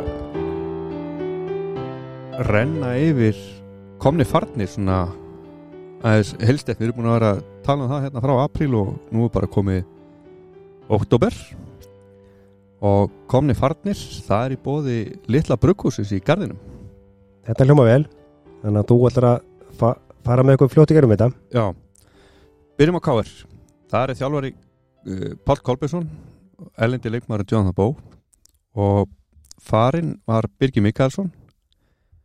Og komið á Björn Steffensen frá IR og Ólaður Guðmundsson frá IS hjá Keflavík var Jón Kári Gíslason mm, þjálfari, elendi leikmaður Thomas Lædl og farnir voru Einar Einarsson í tindastól, Guðjón Skúlason Magnús Guðfísson og Mök Nökkum Ári Jónsson fór allir í nám til Bandaríkjana Brynja Harðarsson í Snæfell og Ingólu Haraldsson hann stendur ekki hvert að hóru en mig grunar að hann hafi líka farið til Bandaríkjana Já, gott ef ekki. Minni það, En hvernig hérna, eitt þetta, hvernig segir þetta nafn? Thomas Lytle eða? Little Little. L-Y-T-L Little. Little. Já, ok. Ja. eða við getum líka bara sagt Thomas. Thomas Já, hljóma vel. Uh, komnir voru Jón Kári Gíslason frá uh, Sisu í Danmarku Matti Ósvald Stefansson og Jón Ben Einarsson frá Reynisangeri uh, Tindastóll það var þjálfarinn Doktor Milan Rosonek og elendi leikmaðurinn var sér sett Ívan Jónas Farni voru Sturla Ölugsson til Þós Björn Sigtryggsson til Hauka og Ólafur Adolfsson. Þú þekkið það nafn. Jú, jú, fótbolta þjálfari eða fótbolta leikmaður og, og þjálfaði mig smá í fótbolta líka. Já, Þannig að hann, hann er farinn frá tindastól. Hann fór hann ekki í skagan bara? Jú, hann fór í fótbolta skáðunum og komni voru Einar Einarsson frá Keflavík og Pétur Guðmundsson frá San Antonio Spurs. Sorry, Þetta er svo galið að vera að lesa upp að ykkur er að komna þetta frá Reyni Sandgjör og IS og IR Já, og Svo er einn að koma frá San Antonio Spurs. Þetta passar ekki inn í formúluna Nei. En þetta er geggjað. Uh, Haukar það er þjálfarni Glenn Thomas og ellendi leikmaðurinn John Noblett. Uh, og farni var Íva Webster og til Úja Ingimar Jónsson, Tryggvi Jónsson og Eithor Árnason allir hættir. En komnir voru Skarpiðin Eiríksson frá Þór og Björn Seitriksson frá Tindastól. Hjá Njarvík það var þjálfarni Friðrik Ingi Rúnarsson og ellendi leikmaður Randi Róbersson og er, farnir voru Jóhannes Skripsson í Grindavík og Helgi Rapsson sem var hættur Formúlega þá spilaði ekki bara eitthvað einn eða tvo leiki hérna árun áður. Jó, var ekki bara í úsliti kemni Jú, rámari það uh, síðan eru komnir Reyðar Reyðarsson og Gunnar Aljósson en þeir voru á sjó þess að áriður Já. koma nautsterkir svona. uh, já val var Vladimir Ubukov þjálfari og hellendi leikmaður var Davík Gresson farin var Einar Ólafsson, hann var hættur. Og komið var Magnús Mattiasson frá Bandaríkjanum Íringar það var þjálfari Jón Jörundsson og farni voru Björn Steffensson til Káar og Björn Leosson, hann var hættur. Þannig að maður sér það nú þarna að Íringar hafa, eru vantalega með mjög þunnskipaðan hóp. Já, sýnist það á tölunum allavega. Já. Uh, Grindvíkingar, það var þjálfarni Gunnar Þorvarsson og elendi leikmaður Antoni King. Og farni voru Guðlur Eyjólfsson nei, fyrir ekki. Eyjólfur Guðlússon og Ólafur Jóhannesson þeir voru hættir. En komni voru Jóhannes Krispjörnsson frá Njarvík, Ellert Magnússon frá Reyni og Hannibal Guðmundsson frá UIA hjá Þórsurum á Akureyri það var Sturl Öðlusson þjálfari og elendi leikmaður það var Cedric eh, Evans og farni voru Skarpiðin Eiríksson til Hauka og Eiríkur Sigursson, hann var hættur. Og það var bara eitt komið það var Sturla Örlegs sem að koma frá Tindastól. Þjálfari sjálfur uh, Snæfell, það var þjálfari Reit Þorkilsson og ellendi leikmaður var Gennadji uh, Bergut uh, held ég þetta að segja. Þetta er vel gert hjá þér. Og farni var Kristján Ágússon, hann var hættur. Hermundur Pálsson og Guðmundur Jónsson. Eh, þeir eru að vandalega hætt líka bara það er ekki sagt hvert þið voru en komnu var Hreit Þorgilsson frá UIA og Brynjar Harðarsson frá Keflavík. Náskildir uh, síðan var það hér að, að þegar tímabili fer að stað sko að, að Íringa voru ekki konu með með ellenda leikmann. Og þeir töpuðu stórt á móti káar hérna. Við erum með allt og ungt lið, tvo reynda menn og svo 17-19 ára stráka. Til að eiga einhverja möguleiki vektur verðum við að þurfum við ellenda leikmann. Og það er líkur að við séum búin að sækja eitt slíkan næst, við, fyrir næsta leik segi Jón Jörnsson hérna. Þannig að við erum byrjaður dildin núna. Já, Hún er komin að stað. byrjuð sko Ok. og, og þeir sko skítöpuðu þessu leik og Jonathan Bó til dæmis spilaði ekkert með káar hann sko, samt genguðu frá hann Já, og viti menn þeir fengu ellenda leikmenn í yningar Douglas Sjás og hér stendur fyrirsögn. Hástökkvari gengi til í sviríinga þau er ekki þurft körfaldamann jú þetta, þetta er nokkuð gott. Já, Af hverju er það að ráða hástökkara? En hann hérna, ég veit ekki hvort þú kannast við nafnið Sjás Jú. en hann er sem sagt uh, Douglas Sjás er bróðir Danny Sjás sem lék á sínum tíma með Njarvík og Ármanni og þótti eitt sá allra besti hérna. Já, skoraði mikið. Uh, gott að hann sett ekki 100 stig í einu leik. Já, eins og mér minni það eitthvað. Uh, en hann var sem sagt mikið hann hafði stokkið 24 í hástökki þessi Douglas Sjás og hann var bara 125 cm á hæði sko. Það er nokkuð vel gert En hérna, út af að tala um hástökkara sem er gengið til í svíjar Þetta er aðeins að spóla tilbaka því að tindast til sigraði einhverju æfingamóti körubólta fyrir mót og þar er minnst á að Milan Posanik frá Tjekkoslovakíu Já, það er þjálfarni á tindastól að það er ótrúlegt frá því að segja að hann er fyrirverandi metafi í hástöki í heimlandinu sínu. Já, ok þannig að- þannig að erum við bara komið með tvo hástökkvara að keppi körfu á Íslandi. Nei, annar að þjálfa og hinn að, að keppa. Já, en eins og að segja bara, hefði ekki verið gáðulega bara að fá körfuboltamann í staðin fyrir hástökkvara. Jó, kannski Já, En, mannstu að Grindvíka þeir leiku letu hann hérna Santos. Kostaríka en já, fara. Já, og fengu Anthony King já, já, í staðinn. Já. En hann var látin fara. Það er alltaf nótileg grindavík til að láta fara. Já, og það kom svolítið óvart þegar þarna er komið við sögu þannig stigahæstur í, í úrvarsleitinu sko. Þetta var eftir fjóra leiki, hann kom með 103 stig til fjóra leiki, það er bara ágætt sko. Já, já, En þetta er alfari mín ákvörðun, ekki stjórnara. King var ekki sá leikmaður sem okkur vantaði. Þó hann skoraði drjútt, var, er hann slagu varnamaður og það er reynilega ekki hægt að setja upp markvisa æfingar með honum, sagði Gunnar Þorvarsson, þjálfari grindíka, hann er grjót harður maður. mm Og hann er mitt talar um það hérna að félagi hefur einstaklega óheppi með, með hérna bandarækjumenn. já Var hérna uh, í fyrstu leikjunum Já. þegar Pétur Guðmundsson spilar Já. það kemur náttúrulega kannski eitt grindavík við en það vakti aðtikli að fyrstu leikir sem að Pétur spilaði í úrstildinni að þá var hann í öðruvísi búningin aðrir Svo það eða? Uh, nei. Nei, það var flugfélag Norðurlands framan á búningum tindastóls en búningunars Péturs var með mjölkusamsöluna framan á svo var hann spurður að því hvað var í gangi af hverju hann var með sér auglýsingu Já. og hann hristi bara hausinn og var með eitthvað útskýringu sem enginn nefnt að hlusta á Ok, Þannig að ég veit ekki hvort það var bara í fyrstu umferðinni eða hvort það var allt tímabilið. Já, við þurfum kannski að komast að því. Það var gott að ykkur myndi vita af hverju hann var í Öðru- öðru símbúning, mertu KS. Já, Herðu, en Grindíka voru nú ekki lengi að, hérna, leita eftir mann og reyðu til sín Dan, Dan, hérna, Dan Krebs. Hann hafi leikið með félaginu veturinn áður.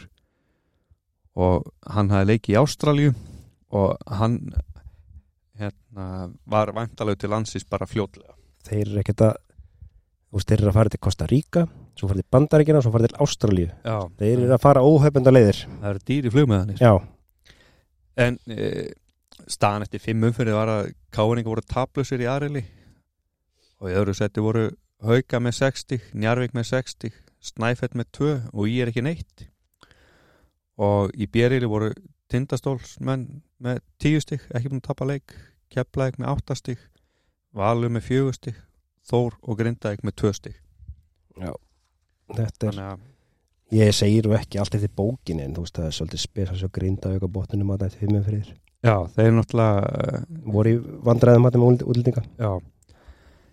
En svo er það hérna að ég veit nú ekki hver var á reytaraborðin í Keflæk þennan umtalaða leik sko í úrstælt Keflækur og Snæfis og Stikkinsson í Körðlandslæðing sem fóð fram í Keflæk og sundag höfðu átta stig af aðkomuleginu Þetta átti sér stað í síðari hálfleik og telja verður atvik sem þetta ákala alvarlegan hlut. Einni var skýslan kæri, kæri leysislega útvilt hvað var það lið Snæfells því menn sem sátu á Varamannbekk voru skrifaðir fyrir stigum sem þeir vitaskuld gerðu aldrei. Með réttu hefðu lokatöluleiksins átt að vera 122-91 íbyggáðu vil. Eða leikskíslan ræður hvort hún sé rétt eða ekki. Og því verður úslit leiksins skráð 122-83 og sko ég veit ég, hef ekki hugmynd um hvað var hann á reytaraborinu en þetta gerist nefnilega líka í leiknum, heimaleiknum á undan hjá Keflavík. En þá var sem sagt tekið eitt stig. Nei gáðu reytarinn aðkomuleginu sem var tindastól, auka stig skráðu þryggjast eða körfu á Pétur Guðmundsson sem hann aldrei skoraði. Já, svo var líka annað atvik. Eh, kannski ekki alveg tengt þessu en það kom á síðast tímabili við myndumst ekki það Já. sem var svona reytara borðsvesen en þú veist af engin áhrif úsliðleiksins eða neitt sko, það var bara, það voru skráð einhver stig á leikmann sem heitir Ingi Ber Óskarsson. Jú, jú, jú og hann var ekki eins og á skýslu. Og þetta var eitthvað mjög sérstaklega við könnust vel við hann sko en, en bróður hans var að spila með Keflavík hann heitir Albert Óskarsson. Það, það var eitthvað þannig að Ingiber var, var bara frekar í keilunni? Já já, hann var frekar í keilunni. En maður átti að sig ekki alveg á því hvað er að gerast á reytaborðinu er ítrekkað eitthvað vesen hann í Keflavík. Já. Og, og enn aftur að, að hérna, útlendingamálum í Grindavík því að sko það gekk erfilega fyrir Grindi að fá hérna leifi frá FIBA fyrir hérna, Dan Krebs. Og það var talið að er allt, allt upp í 34 leiki sem að sem að hérna, hann er ekki með. Þannig að þetta var ekki, ekki nægilega gott sko. Til að fá þá leifi og allt, alltaf papira Já. Uh, það var ekkit svona eins og síðast tíðanbli þar sem KKI bara gaf mönnum undan þó. Já, til að spila í Evrópukefni og fram yfir árum á djafnvel Já. En svo gerist það hérna að uh, Svali Björgvinsson uh, bakverður hérna valsmanna hann sleitt krossbönd í annarsinn þarna. Og hann hafi slitið krossbönd í vinstra hniði í leikamáttu haugum og tveimur árum áður hafi slitið krossbönd í hægra hniði þannig að hann sagði að þetta myndi taka örgulega heilt ár þannig að hann myndi búast við því að hann myndi bara hætta. Já, uh, og meira Pétri Guðmunds að uh, menn hérna sem sagt þú talar um að hann var reyður sér búning. Jú, jú. Ekki nóg með það, hann var reyður sér flugulun líka sko. nú, já. Það getur verið óþægilegt að vera lítill eða stór það hafa margir reynd og körglænsmaður Pétur Guðmundsson sem leikur með tindastól frá sögakrók í úrvasteldinni hefur ekki farið varhluta því í gegnum árin. Pétur sem var hæst nú lifandi íslendingurinn fullvaksinn maður og er 220 cm á hæð. Það má ljóst vera að erfitt getur verið fyrir slíka reysa að aðtapna sig hinn ímsu stöðum. Það eru til dæmi marga, ekki marga bifræðar sem Pétur getur ekið en það eru þó til. Og á þessum tíma þá var sagt, flugu tindastósmenn í leiki sem sagt útileiki í nýju setta flugulum en Pétur, hann bara komst ekki fyrir og hann þurfti alltaf að fara uh, þá vendalegur á Akureyri í, í hérna, fokkervélar. Já, eitthvað svo leiðis allavega. Já, hann komst ekki fyrir hann allan hann, hann flög með fokker fluglugum uh, Káringar, þeir mistu Guðna Guðna. Það sem eftir var tímabils hann slasaðist og þar þurfti að fara í uppskurð og uh, ekki verið með, meira með. Og fleiri hættu. Georg Birgisson, þú kannast nú hann. Þú varst með honum í fótbolta í Jú, jú, það er rétt. Hann ákvað að hætti í körbólta og snúa sér alfara knæspunni Þetta er bara gæfu spór fyrir fótboltan í Keflavík Já, ég held Þannig séð, hann allavega virkaði vel í, í boltan þar Já. En síðan kom að að snæfellingar loksins komnir heim, segið Þorvaldur Pálsson, forma körnastelda snæfells. En það var það að, að það var mikil gleði í stíkisónu þegar að Hýrtósi var víkt og valsmenn mættu í heimsó og hérna keftu þar við heimamenn.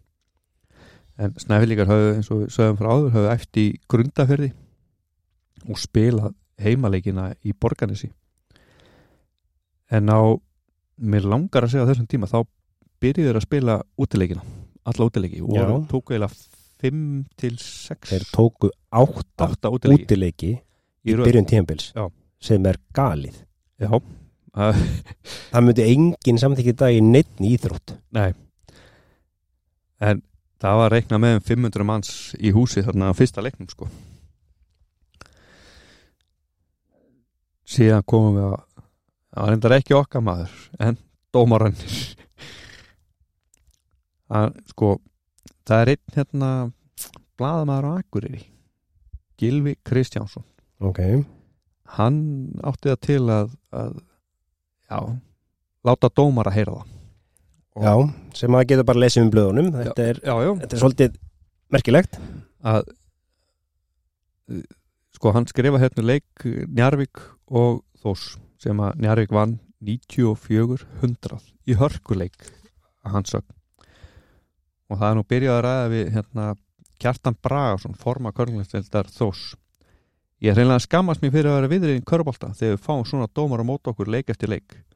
Dómar að dæma undartekninga lítið með aðkomuliðinu hér fyrir norðan og það er hreinlega hlutregni að ræða se- segir hann Kjartan. Og hann vil meina að í þessum leik allana að þeir höfðu hreinlega sest á Cedric Evans ellenda leikmann í lið Þórs Já, og koma hann út, um, út úr leiknum bara. Og það skipti hann segir sem hérna kröftu mótmæli á þjálfaran Njarvíkur þess að sama var ekki dæmt á Njarvík og Þór síðustu sex mínútu leiksins. En sko hann í greinir tala líka um að Njarvíkuliði var heilstiftara þegar áreyndi sko. Nú já, já. En e, síðan dómarinn voru sem þetta Helgi Bragason og Árni Freyr Sigurlaugsson og umsögnin er sko og hlýtu framist að þeirra að vera mönnum umhugsunar efni Já, já, það er eftir að koma fleiri svona umsæknir um dómara. Já, já. Í dag er þetta bara áttu ekki sem besta dag eða eitthvað álíka en þannig eru menn alveg látnir heyra það. Já.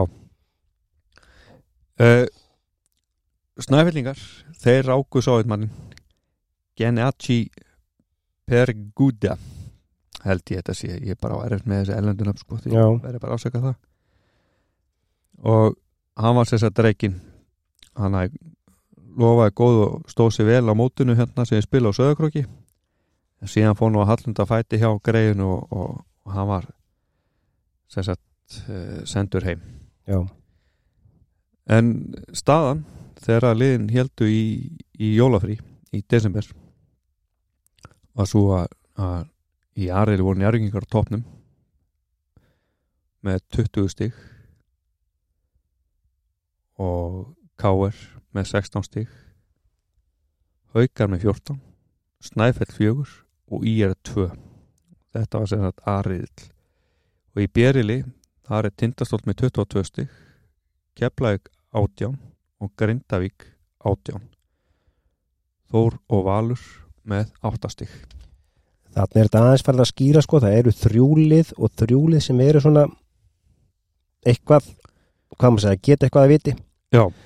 og mér langar að benda þess á svo komum við aftur inn á eftir sko að tindastóll eftir þessa 13 leiki þá eru þeir 11-2 búin að vinna 11 og tapa tveim leikjum hann er komið betur að því setna hvernig hvernig súflug fer, fer hjá þeim en þeir eru allavega á góðu skriði þarna síðan eins og við tölum um hérna þeir höfðu nú áhyggjur því hjá K.R. með áhörðuna og það voru tölur hérna í desember og sko meðal fjöldi hjá Tindastól sem var með langflestu áhörðuna var um 600 áhörður á leik sem ég tel mér bara bísna gott. Já mann finnst það eiginlega bara eðlilegt að leikmaður úr NBA að spila í liðunniðinu Já. lítur ykkur að mæta og leiki þarna. Það er vonandi.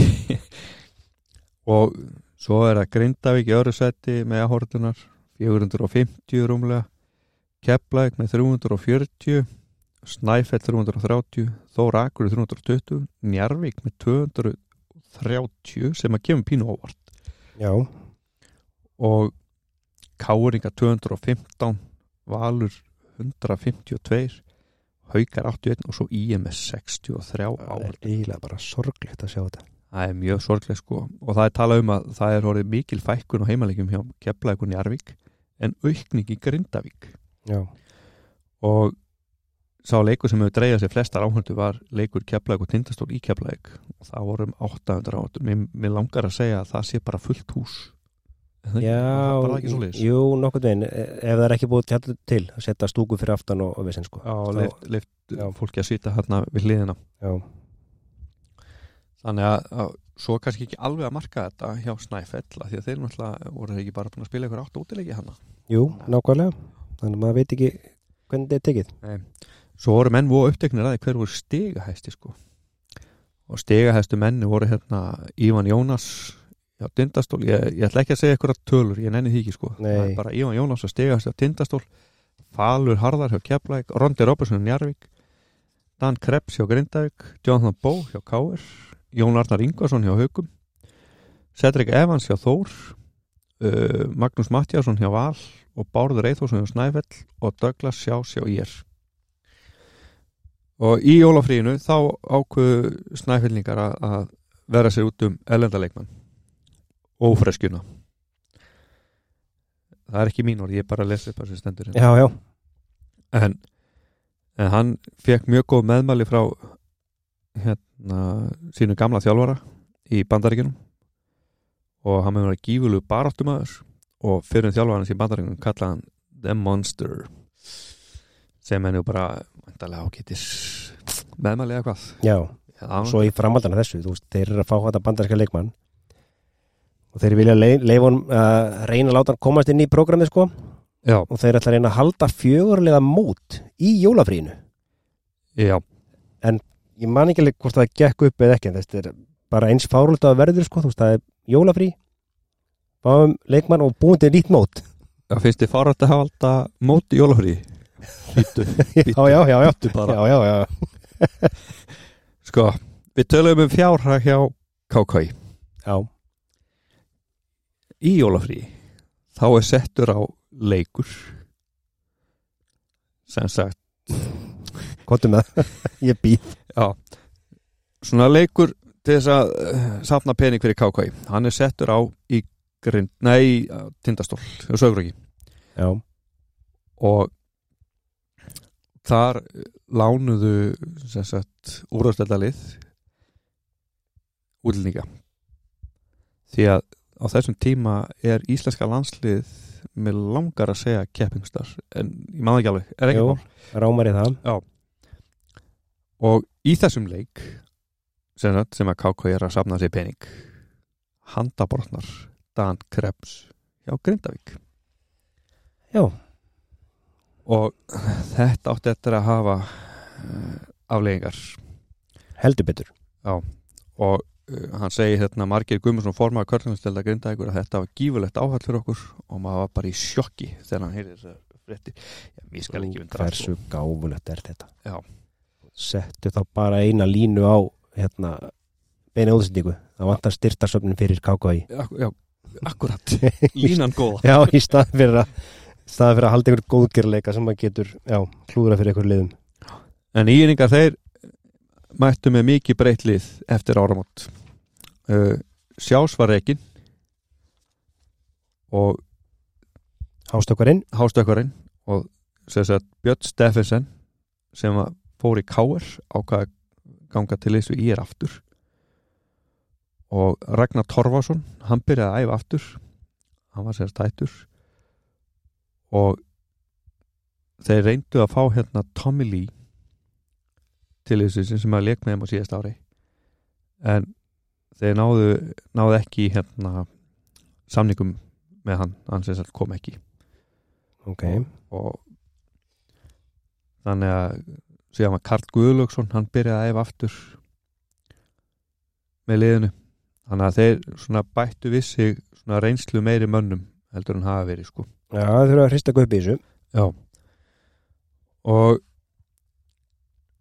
síðan hérna voru leiknir eins og þú segir æfingaleikir eða já, já, tveir æfingaleikir. Á móti sem sagt Snæfell leik æfingaleika því þeir fengu Tim Harvey til, til liðs, liðs við sig. Og þeir spila á móti stjörnuliði LS Magnússonar Já, þetta er einmitt í staði fyrir þetta fjögurlega mót sem er ætluð að halda. Já, þannig að þú veist eins þetta er eins já, ég veit ekki hvað að segja. Og eh, það er nú hérna áttu í- segja hann þess að þeir eru áttu í erfileiku með hann Jonathan Bó og Davík Grisson og Val. Já. þannig að já, en hvernig er það, þú veist Snæfell, vandar um útlending og vandar eitthvað æfingarleiki ringja bara í Ella Magg hérna í Grindavík. Getur ekki nurla saman einhverju liði og komið með það norður eða vestur, Vestur, vestur, vestur já. og hérna og við spilum við ykkur. Já, mjög, mjög sérstakt. Já, já, þetta er, þetta er fínt. En uh, haukar þeir letu hérna Mike Nobles uh, fara og ætluðu að reyna að fá hérna Damon Wans til þessu sig. Og hann hafi leikið í Finnlandi og staðið sér bara mjög vel þar. Og síðan eftir í januar þá kemur nú einn sá allra besti sem að hinga hefur komið til hans Já, það er ágætt að segja það. Frank nokkur Búker kemur til liðs við IR í januar og þeir segja hérna íringa sko að þó hann sé ekki nema 1.80 hæð þá er hann mjög léttleikandi og mikil skitta við byndum mikla vonu við hann sagði Jón Jörundsson þjálfar íringa og það er ótt að segja að, að þessi maður hafi nú já bara spilað mjög vel hérna á Íslandi. Heldur betur með þér ef við komum að því síðar eftir. Já. herðu þá er eiginlega komið að dramakastinu Jói. já, ef maður fá ætlum við ekki að fá betta einhver, einhver músikundi það og dramakasti það er í bóði 1966 EHF Köruboltavellinir góðu sem að setið upp fyrir getur sett upp, vísvegar í, í bæjarfélum fyrir utan skólan og félagsmynd annar staðar. erum við klárir? Við erum kláður, þú ert bara að slaka á og hlusta.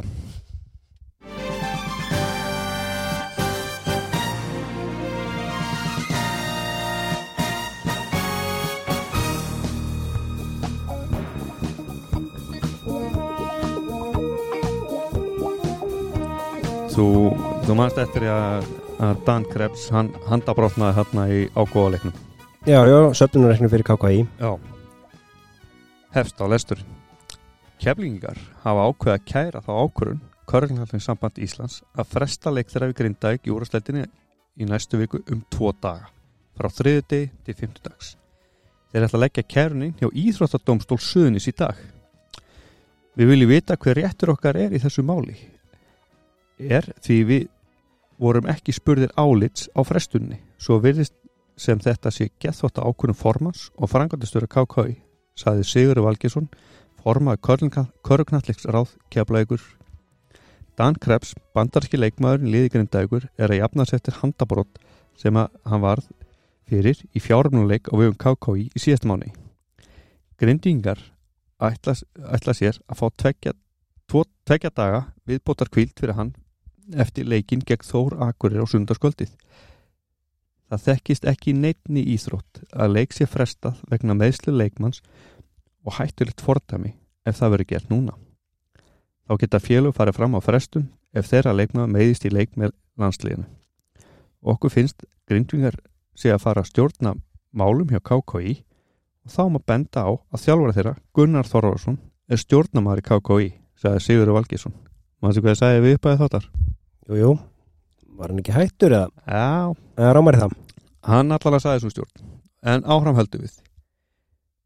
Grindíkingar lánuðu okkur Den Krebs í fjárumnuleik fyrir KKI og það var hann fyrir því að handa brotna. Þeir fóru fram á fyrstu tvei leiki þeirra eftir hálfmátt er fresta þessu sökum en í ljós kom að einugis var hægt að senka leik þeirra við keflaug um tvo daga. Leikurum við Þór var hægt að fresta til 17. januar en þá hafði Grindavík þurft að leika þrjá leiki á fimm dögum. Það hefði verið auðvöldast fyrir okkur að neyta alveg um frestun en grindvingar voru búin að vera liðleir við okkur og þarna höfðu við tækifæri til að vera liðleir við þá í staðin. Við viljum helst ekki fresta leikjunum en í þessu tilviki var það framkvæmalegt og þessi lausn kemur ekki niður á keflingum, sagði Pétur Rapp Sigursson, frangatistur KKI. KKI baðum að fá kreps lánaðan í umrættan leik og við gáum hún leifi til að fara. Meðsli hans í leikjunum, í leiknum, getur reynst okkur mjög dýrkjöft og í raun hefði geta farið verð. Okkur þykir eðlegt að KKI komi til mótsu okkur þessu máli. Við munum hugsa okkur tvið svarum áður við lánum aftur ellenda leikmann í svona leik. Sorry. Eðlilega, þú veist, hvað, hvað er mólið? Krebs er ekki orðin heill og það er óvist að hann er búin að ná sér fyrir leikjum í keflæk þráttur þessa frestun, segir Markir Guðmundsson forma Körglandsleildar Grindavíkur. Já, Já, hérna er. þetta er með náttúrulegum ólíkitum.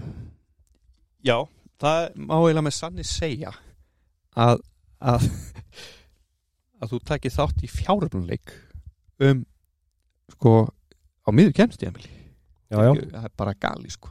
En þetta er alltaf hættan, þú veist, alveg sama hvort það er leikaðir eða whatever, þú veist, þú getur tóknað eða brotnað eða hvað.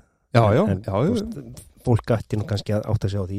Þetta er kannski, ja, þetta eigur líkunar á þessum. Já, En hérna Þósarar á Akureyri.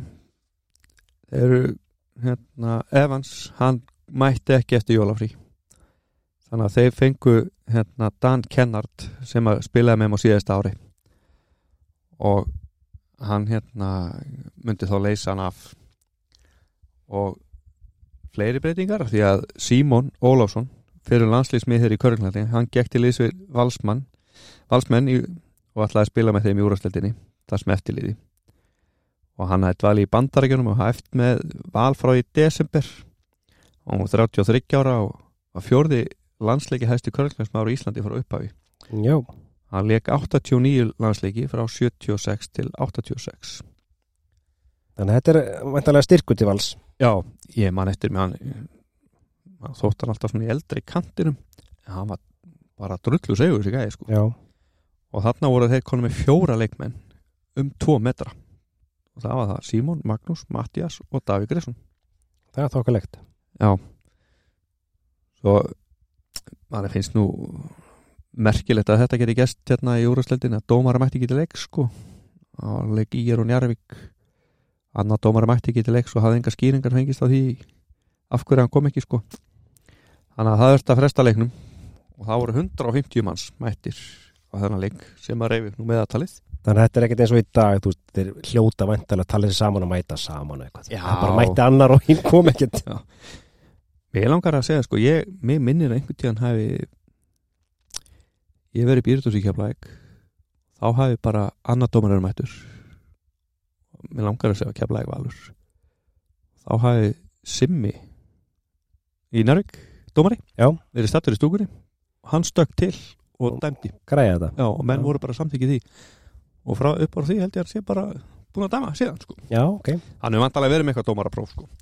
en herðu, við ánum ekki allt búið þarna milli KKI grindaðegur og kjálaðegur hérna, þessi Nei, nei, þetta er bara rétt að byrja ástæðþrýðningurinn hana, eða hitt og heldur og fyrirsögnin hér er ég saði mú stjórn KKI er ég tók við grindaðeg það var að því ég saði við Jói Jú, jú, mér finnst leðilegt að menn skuli leggja svona látt uh, sundur æsingi og reyna að koma óorð á mig og körnallig sambandið Sigur Valgesson held ég fram í DFF á föstudaginn að ég var í stjórn KKI en mín síðustu afskipti þar voru ástfengin í mæ í fyrra tveim viku setna tók ég við þjálfum grindaðegulisis og þá sagði mjög stjórn KKI þar sem ég þótti þetta tvent ekki fara saman. Menn ættu að kynna sér málin betur áður en fara með svona í fjölmjöluna. Gunnar Þorvarason sagði Gunnar Þorvarason þjálfar úrstældarliðs grindaðegur í körnalleg og eins og ég haf búin að lesa hérna þá fekk hann pistilin frá Sigga Vala. Já, leta nú heyra. Það já, já. Og þannig að ég ætla ekkert að tala meira um þetta í byli því að þetta er ekkert búið sko. Nei, nei, þetta heldur aðeins áfram. Eh, eru við að fara í punta núna frá þér? Eða Já, Óskari? Við getum gert það. Því að ég ætla, ég ætla bara að segja eitt hérna að Frank Búker sem að nýji leikmann í er hann byrjaði nú bara á því að, að setja met sko. Hann setti 15 þryggjastæði hverjar á móti Njarvík ef við ekki að, að hérna e, ringjum til bæ? Jú, ég er til í það. Ég getur til að ringja e, Gunnar Örlegsson hann náttúrulega átti þarna stórkostlega leik sem vorum að fjalla um á hann Já, og útliti kefni ef ekki að heyra hvernig upplifun hans hefði verið að þessu jú, ég er til í það Bjöllum á hann Já. Já, það ringir við skulum aðtöða hvort hann svar ekki Sælvættu, Sætvertu Gunnar minn, hvað segirðu? ég er góður. Er það ekki? Jú, ég er að setja hana heyrna að þekki hérna. Já Herðu, eins og þú kannski veist, þá við að fjalla um tímabilið hérna 90-91 það sem að kannski var þitt besta tímabil, eða svo má segja en hérna segjum ykkurni, hver, byrjaður bara í körfu sem lítill krakki að elda bræðina eða? Ég er náttúrulega bara aðin upp á, á körubólta heiminni. Það snerist mikið um körubólta hjá okkur Já, og náttúrulega fórsagan er þessi að, að, að sko bæði Keflæk og Njarvík eru náttúrulega þétt við, við flugullin þar sem varnarliði var í áratígi og, og það má kannski segja að íþróttin hafi smitast yfir í byggðarlagið í gegnum, gegnum bandaríska varnarlið á sínum tíma. Og það voru, það voru svona höfingjar eins og Bói Þorstinsson og Ingi Gunnarsson og fleiri sem að sem að voru svona fórsprakkar þess að, að, körubólti náðu þessum hæðum. Já, í þessu sem við skulum kalla kannski mekka körubóltans á Íslandi í, í Keflavík og á sínum tíma. ok Og hver, hver, við, hvað aldur ertu svona að byrja að þvælast á reglulega ræfingar? Ég var sex ára, Já, ok já, og ég man að, að, að það voru keflingingar svona rétt að byrja og, og í þessum Og því ég var í Njarðvík, þá skulum við fara í nokkra punta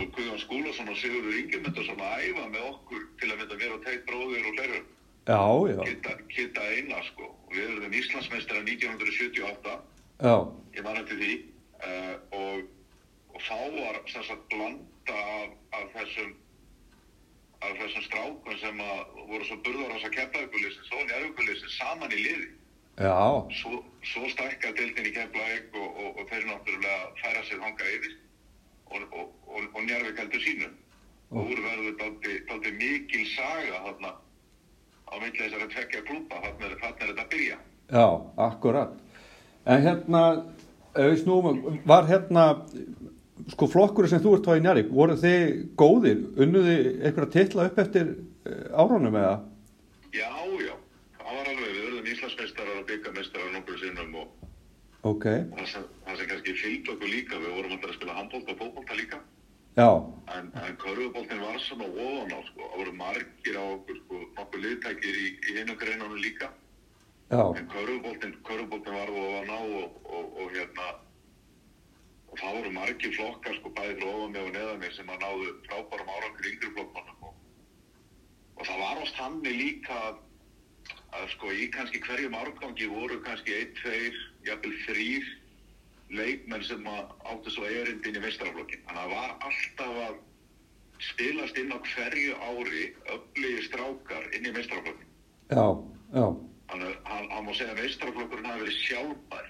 Ólíkt því sem er í dag þegar að, þegar að menn er að fara kannski erlendis mikið í nám, um leiðu sína mikla hæfi líka þá bjóðast þeim samningar í bandaríkjunum eins og akkurat, við skóla. akkurat. En á, en á þessum árum var ekkert mikið um þetta, þannig að menn, menn voru bara heima, strákarnir voru bara heima og, og, og þeir, sem voru, þeir sem voru mjög liðtækir, þeir náttúrulega fóru bara áfram inn í meistraflokkin. Þannig að þetta var, þessi sjálfbærni var af leikmannum innan byggðalagsins, inn í þessa meistraflokka. Og það gerði þetta dálítið skemmtilegt. Þetta voru heimamenn sem voru burðarásar í liðinu Já, ára, ára, ára tíi. akkurat. En hérna, ég tók eftir í þetta tímabil, að hérna, tímabil og undan, varst ekkert að æfa, spila hverju þá? Ég fyrir svo snemma á sjóin. Já, já, Ég, fer, já, ég, ég er bara 15-16 ára þegar ég er bara á sjó. Ég er reyndar í liðinu 1987 þegar við vinnum tvöfall já, og, og þá man ég eftir um vorið að, að þá er ég 15 ára að vera 16 ára en samt komin í hópin og, og náttúrulega spilaði mjög lítið skilur bara var ungur og liðið var mjög stert og vinnum tvöfall og gríðarlega öflugt lið en svo er ég bara farin á sjóin og fer svo í stýrumannaskólan höstið 1990 já, þannig að þá gafst tífi til að æfa hverju líka. Já, þannig að, að þá náttúrulega fór ég bara beint að, að æfa og, og, og nota tækifæri þenni ég var landi og spila, spila það tímabil og, og hægt og rólega svona eh, náði ég, náði ég hérna að eiga erindi í liðið og, og fá fleiri mínútur Já. og, það má segja að það hafi toppast hann til lók tímabils.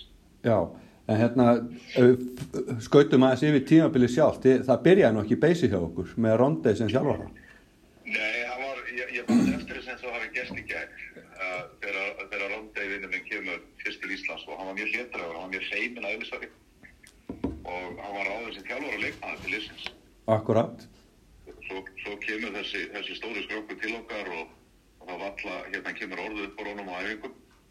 Hann var ekki alveg tilbúin í þetta þjálfara hlutverk og, og við fundum alveg fyrir því strákarnir sko.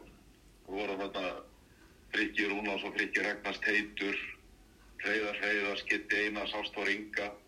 Það var alveg hörku, hörku lið heimamanna sem var þarna og, og við gerum okkur grein fyrir því að þetta gengi ekki svona lengur og svo man ég eftir því að við vorum bara konar á þann stað að það erði náttúrulega að finna finna þjálfara.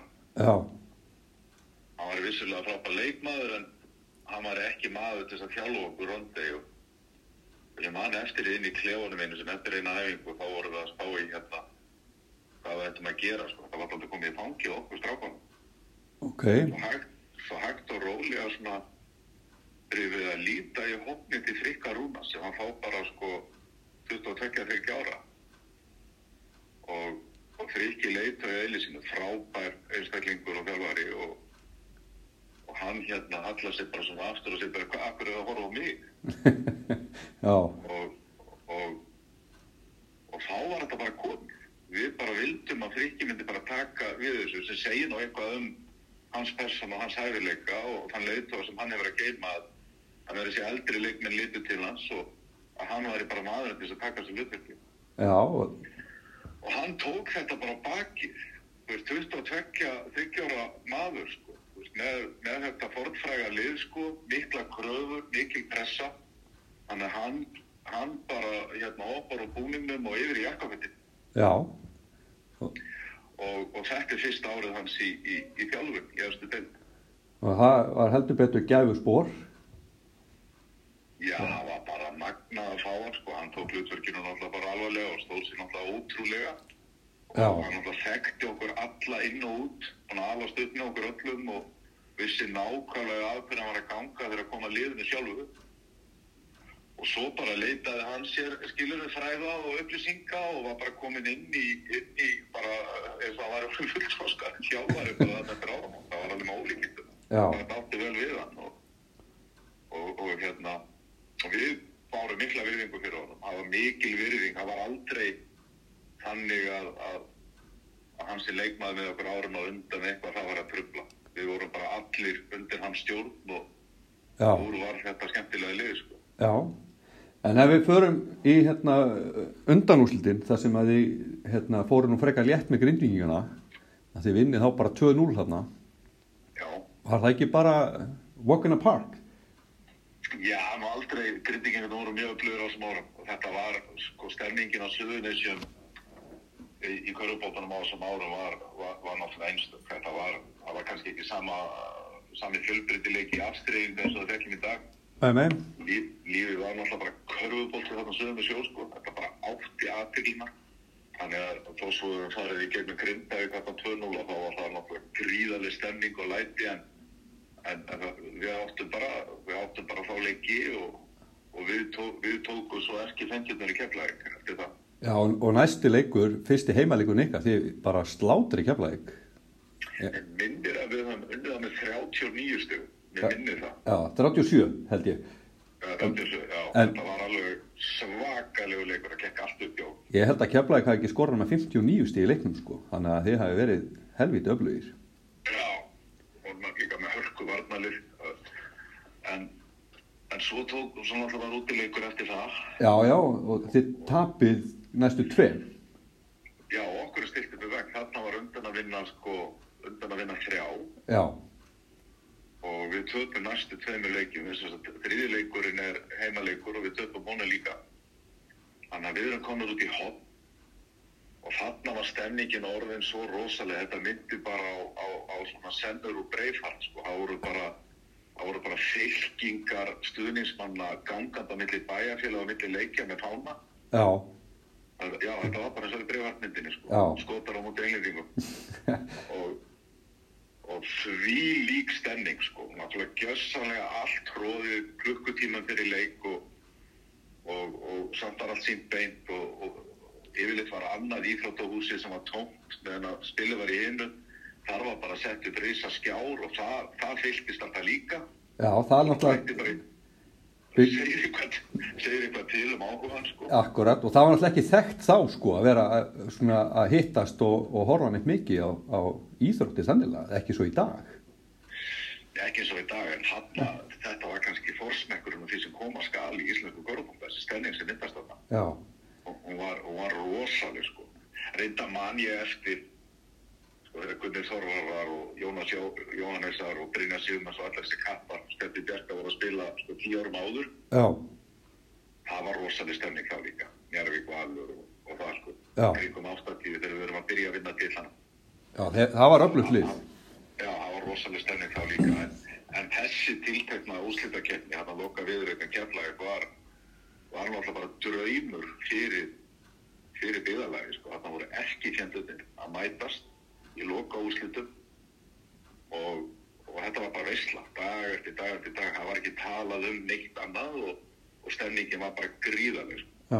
Við förum í í fjóðarleiknum algjörlega með bakið út í hopn og, og það var hörku leikur og ég man eftir ég að frikki var farin að treysta mig meira og meira og ég fekk að spila tölvöld mikið í þeim leik. Mér minnir að, ég hef hingið alveg 15 18-20 mínútur í leiknum sko.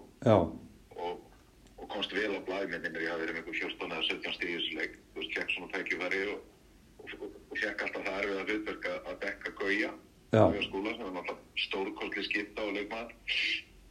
Þannig að, að við vinnum þann leik fyrir, fyrir náttúrulega bara tróðfullt hús og þarna var náttúrulega aðeins verið að segja reglurnar sko. Já, jú, jú, að hafa verið, að, að, að, að setja það mikið inn í húsin að þetta er ekki leift í dag sko. Nei, fólk, fólk ekki í rimlum sko. maður sá, maður sá bæjarfulltrú og jafnvel alþingismenn hangandi í rimlum það var þess að horfa á leikin sko. það var rosalega stemning sko. en við jöfnum jöfnum við regluna, staðan er 2-2 Ég, ég veldi fyrir mig sko eftir, eftir tvo tapleiki, breyttu ykkur und, í undirbúningnum fyrir hennan leik í Keflavík sem þið vinnið síðan, fjórða? Manstu það var kannski já, við minn minnir að minn minnir að hérna að við höfum bara gefið þessu lesan töfin sko. Þú veist, við vorum bara eins og sardín við örfum bara að vinna og, og það var ekkert annað í búið bara en að mæti en að leik grjótar það var rosalega harka í þessum veist, og, þarna var leið meiri harka það var og dýtröllið að spila á sínu tíma sko. þetta, var, þetta voru hálger slagsmál. En þó svo að menn verið vinnir utan vallar þá var þetta alveg rosalega harka þannig að það má kannski segja bara að þetta hafi verið menn hafi bara gefið sér lausan tauminn sko. það er bara, þú veist, það var engin afsláttur gefin var- varnarlega Nei. og, og, og, og hérna við vorum alltaf með ágætlega breiðan hóp eins og keflinginga þannig að og svo menn lendi villuvöndur að það kom bara annar bæjalingur inn á sko. Já, já, já. þannig að En þessi, þessi, sko. já, en þessi fyrsti leikur, það sem að þú gjössanlega springur út, það sem að, er ekki Ísak sem meiðist og, Jú, Ísak, Ísak meiðist illa og á fyrir 50 eða 70 mínúti og ég var alltaf, ég var komin í það stöðu að vera svona 70, 70 maðurinn sko, Já. Þarna, ég, ég er 19 ára og það náttúrulega lítur ekkert vel út þegar þessi ótrúlegi leikmaður Ísak Tómasson sem er sko að að- að mínum að byrjt svo vannmeitnasti þegar kemur að sögu kvörubóltans í Ísland, því líku leitói og, og leikstjóðandi já, fór í gegnum sko þessa tilla alltaf með Njárvík og leiti liði sem leikstjóðandi öll þess ár.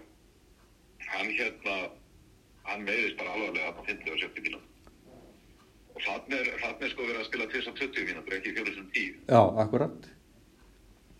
og, og mér er hendinn náð fyrir fram að ljónagriðuna og ég, einhvers þar hefði það 1100 manns hefði verið inn í þessu litla húsi Já, rimlanur er teknum með, sko, þá, Já, já nú, nú er verið að stoppa, stoppa sko á, á, á 400 sko. Já. bara fá ekki fleiri að fara þannig að þetta var eins og sarkinutur sko. þetta var rosalegt að vera það inni sko.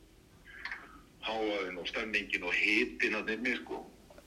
já, og, og það ber okkur hendin sko í, þessu- ef, ef mér er hendin í þessum útlutaleik og, og ég einhvern veginn, mér leið bara ótrúlega vel ég sko þegar spennan magnast að þá einhvern veginn finnst mér ég hlaupa hraðar og stökkva herra já, Fattar, ég fer ekki hinn áttina það sem að ég skelfa beinunum að, að hræðslið að vera fa- settur inn á óstórt sviði einhvern veginn bara kom þetta þannig að mér að mér fannst ég bara vera ekkert að sterkar og öfluri fyrir vikið út af stemningunni já, hún bara svona kom inn í, inn í kerfið einhvern veginn og jokka á hátt og, og frikki treysti hendi mér þetta inn. Og, það var einhvern veginn mér leið bara, þú veist eins og veist sama hvar ég myndi stökkva þá myndi ég bara setja hann sko. Já, og, og, og hérna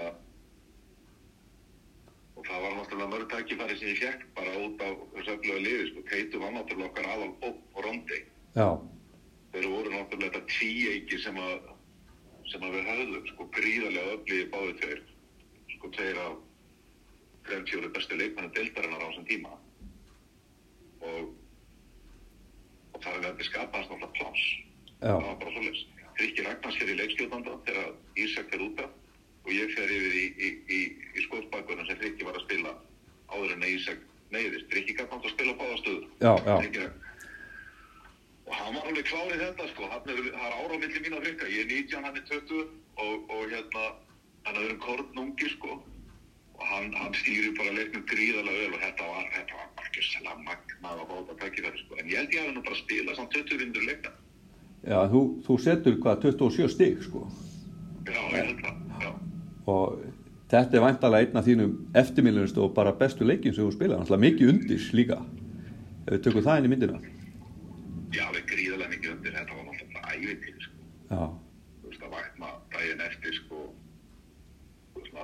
alltaf trúið þessu fyrirsagnir í blöðum og svona. Einhver sjóara strákur sem hafi komið inn í stýrimannaskólan eftir flög kvöðbóttum marga, sko. já, Eiga, þetta svið, sko. Það var alveg með ólíkvindum og, og grínið á milli okkar strákana og þannig að að Gunni, Gunni spilaði eitthvað að leikja kvöðbóttum og svo dætt hann bara í það í fimm ár og kom ekki aftur sér en 96 eða 7. já, Það var ekki alveg svo, sko, maður átti nokkra leiki, en, en, en sjómennska láti bara svo stóran hluta á þessum árangafur. Ég var sjómaður með að muna milli, sko, milli 15 og, og 25-6 ára, en ég, ég spilaði ykkur, ykkur fjögur tímabil og auðvitað var þetta toppurinn. Þetta var- bara stórkostlega upplifun og einn af þessum leikjum í sögunni sem að stuðnismenn munna, munna eftir. Þú veist, þeir eru nokkur, byggaleikur rámátti keflaði til að mynda í höllinni, er einn af þeim. Já, og sem var setna, 99 ef maður rétt sko, jú, jú, löngu setna en þetta er einn af þessum stóru, stóru leikjum sem að fólk mann eftir og, og þó að liðin séu sko rúmlega 30 ára þá er maður ennþá að hitta fólk sem að sem að ríða þetta upp sko. Akkurat. En, svo bara da dagarnir og eftir voru bara magnaðir þú veist, við heldum bara hópin saman strákarnir og nutum, nutum hérna orsin saman og, þetta var bara ekki svona mögnuð upplifun og, og fyrir frikka Rúnars þú veist, 22-23 ára að stýra liðinu þú veist, til Íslandsmeistara titils var náttúrulega bara stórkostlið fyrir jafn unga þjálfara og missa leikstjórnandan út af þarna snemma já, skilur mhm. Þetta var bara alveg svakalegt sko. En það hérna, þarna voru eiginlega bara heimamenn í liðinu, nema Já, Róndi. það er að skemmtilega þetta, það er eins og ég kom inn á áðan að þú veist, við vorum ekki að missa strákana yfir í önnuli, það var ekki þessi samkeppni það sem verið var að, að, að veist, bjóða heiminn átt, þetta var eitthvað samkeppni, ég veit til að þetta teitur fekk endalust tilbúðum að spila með öðru lið, Já, en, en, en loyalty var bara svo stert að spila í græna búlinum, hann spilaði eitt ár ekki í Njarvík og þá var hann í atvinnum mennsku Greiklandi já, Öllin tímabilin spilaði með Njárvík og nú stendur bóðið sko tvöfald eða þrefald meira en hann var að fá hjá Njárvík já, og bara, í einu strákandi svo var hann að spila stóra rulli ég segi því sjálf mig, ég fekk skó. Það var það sem ég fekk sko. ég fekk skó, ég fekk næg skó. Það döði bara til þess að fara í búningin og, já, en kannski leikmenn af, af þessu kalendar í dag þeir eru kannski að byggja um stóra peninga íbúð og bíl og guðum að vita hvað Þetta- rekstur deildan er ekki það er ekki þetta líka rekstri deildan í dag við það sem var þá. Nei, Þarna þarna voru menn bara að spila fyrir klúbin sinn og, og fyrir vikið var þetta kannski enn dýrmætara sko. Það var svo óbóstlega mikið sko hjarta í þessu. já, Og ég sakna þess. Auðvitað eru til leikmenn sem eru, skilur, elska klúbin sinn í dag. Ég er ekki að segja þetta sjálf. Þetta er ekkert í líkingu við það sem það var heilt yfir. nei, nei, nei, Ég tek alltaf hattin ofan fyrir fyrir, fyrir teip til að mynda að hafa staði vaktina minn jarfi öll þessi tíma, 17 og 18 tímabilega hvað það var sko. já, Kráttur að vera búið gull og græni skóar á, á orðum grundum sko. og sama má segja um marga aðra af þessi leikmann auðvitað fóru sömur svona eitt og eitt tímabil Já, já, Skilur, ég, fór, ég fór norður í stýrimannaskólan og fór spilað með Þór árið eftir akkurat, akkurat, en, en ég var bara hálft tímabil og, og, og kom, kom aftur heim. Í Njörvík og var byggamistari 92 með þeim. Já, og það var- mjög gaman vegna þess að Stulli bróður okkar teis, hann kom með okkur. Kom með, veist, við fórum saman við báður að spila við Þór. En við ákveðum að fara að flytja söður um áramótin. Og, og förum beintinni lið og við verðum byggamestrar 92, það var gaman að spila bæði með Teit og Stulla. Já, og setna lóttulega þess að spila þegar ég var komin í land sko, þá, þá neytið þess náttúrulega gríðarlega að spila með öllahittinu og teit. Já, þú, þú náði því, já, það var bara, það var geggja lið þarna haustið 99 ég, já, það var, það var sko, við vorum kannalusir og eina liðið sem var ekki með útlýting og um áramótin var liðið tabla sko. ég held að minnst í sigurinn okkar hafi verið bara 15-20 stíð og við vorum bara bara íslýtingar sko. Já, ok, þá var frí, þá er Frikki Stefáns vinnu minn komin inn, Halli Kristins Frikki Raggi, Teitur, Ölli veist, þetta var svona, þetta var svona þessi 5-6 sem voru að byrja mest og, og við vorum alveg gríðarlega öflugir sko, en svo náttúrulega hveður hann blessaður frændininn sko í janúar hérna árið 2000 og þá náttúrulega mistu við það já, það er bara eðlilegt, myndum að, en já, þetta lið þarna um haustið og ná að spila með öllaheitinum þarna sko því líkur íþróttamæður sem, sem hann var. Og ég hugsa stundu til þess með ölla bara hversu langt hann hefði farið sko, hann var með, hann var, hann með gríðalegt líka með já, og stóru skrefin og fyrstu tvötru skrefin hjá hann þetta var bara sem maður sér í NBA-bóltan hann var svo rosalegu sprengikraftur sko. Með þessar löngu hendur og hann sterpiða skrokk sko. Og svo þessar gríðalegu hæfni sem korfbóltamæður sko. Það hefði verið óbóðslega gaman að sjá hversu, hversu langt hann hefði, hefði farið. En, en þetta voru fórið til að fá að spila með þeim þarna. Já, ég get trúið því. Herru, já, herru Gunni, já, við þökkum kærlega fyrir þetta, já, bara gaman að heyra í þér, ha, gaman, gaman að reyða þetta upp og, og hérna gangi ykkur vel og, og takk fyrir spjallið. Ekki málunum, takk fyrir. Sjáðu. Já, bless. Já.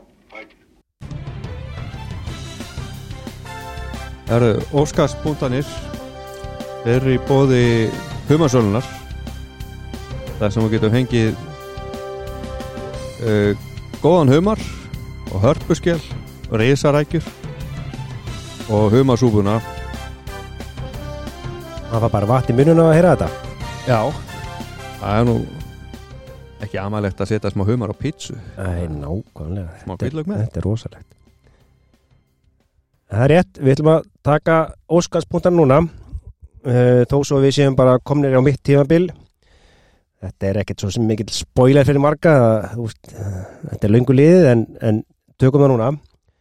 Uh, Njarvík og Keflavík urðu fyrsta liðið í sögu úslakefnar til að spila fimm leiki í úslita einvigi Já Þetta, Og- býði bara spennt að vita hvernig það fór. Já. Fyrir þá sem ekki vita það. Ekki vita.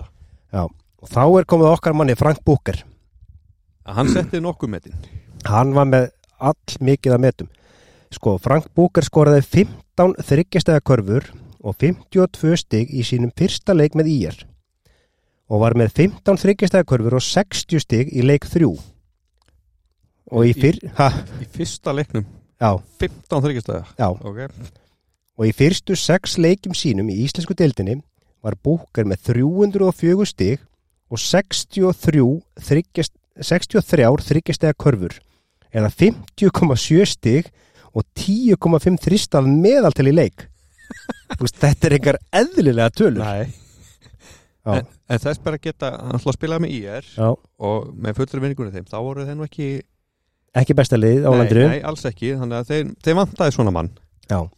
Og við höldum áfram. Búker skoraði flesta þrista af öllum leikmönnum deildarnar þrátt fyrir að spila aðeins 12 af 26 leikjum Búker skoraði 93 þrista eða 11 fleiri en næsti maður. David Grissom hjá all Hann, hann spilaði ekki svona helmingina tíðanbílum Nei.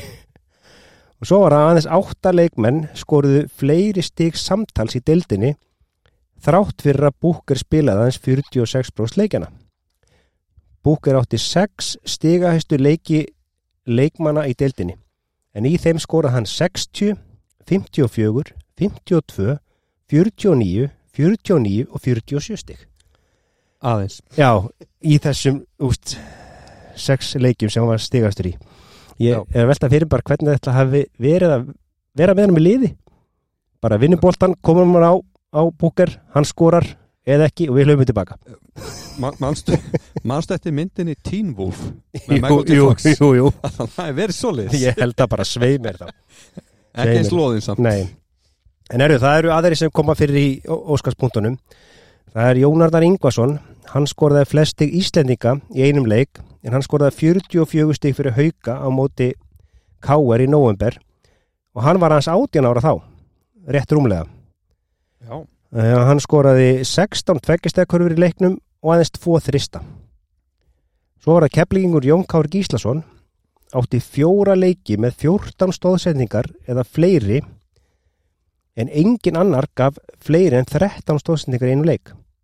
Og svo var þannig að Jón var stóðsendingameistari þennan þetta árið og hafa með 3,4 fleiri stóðsendingar í leik meira heldur en næsti maður.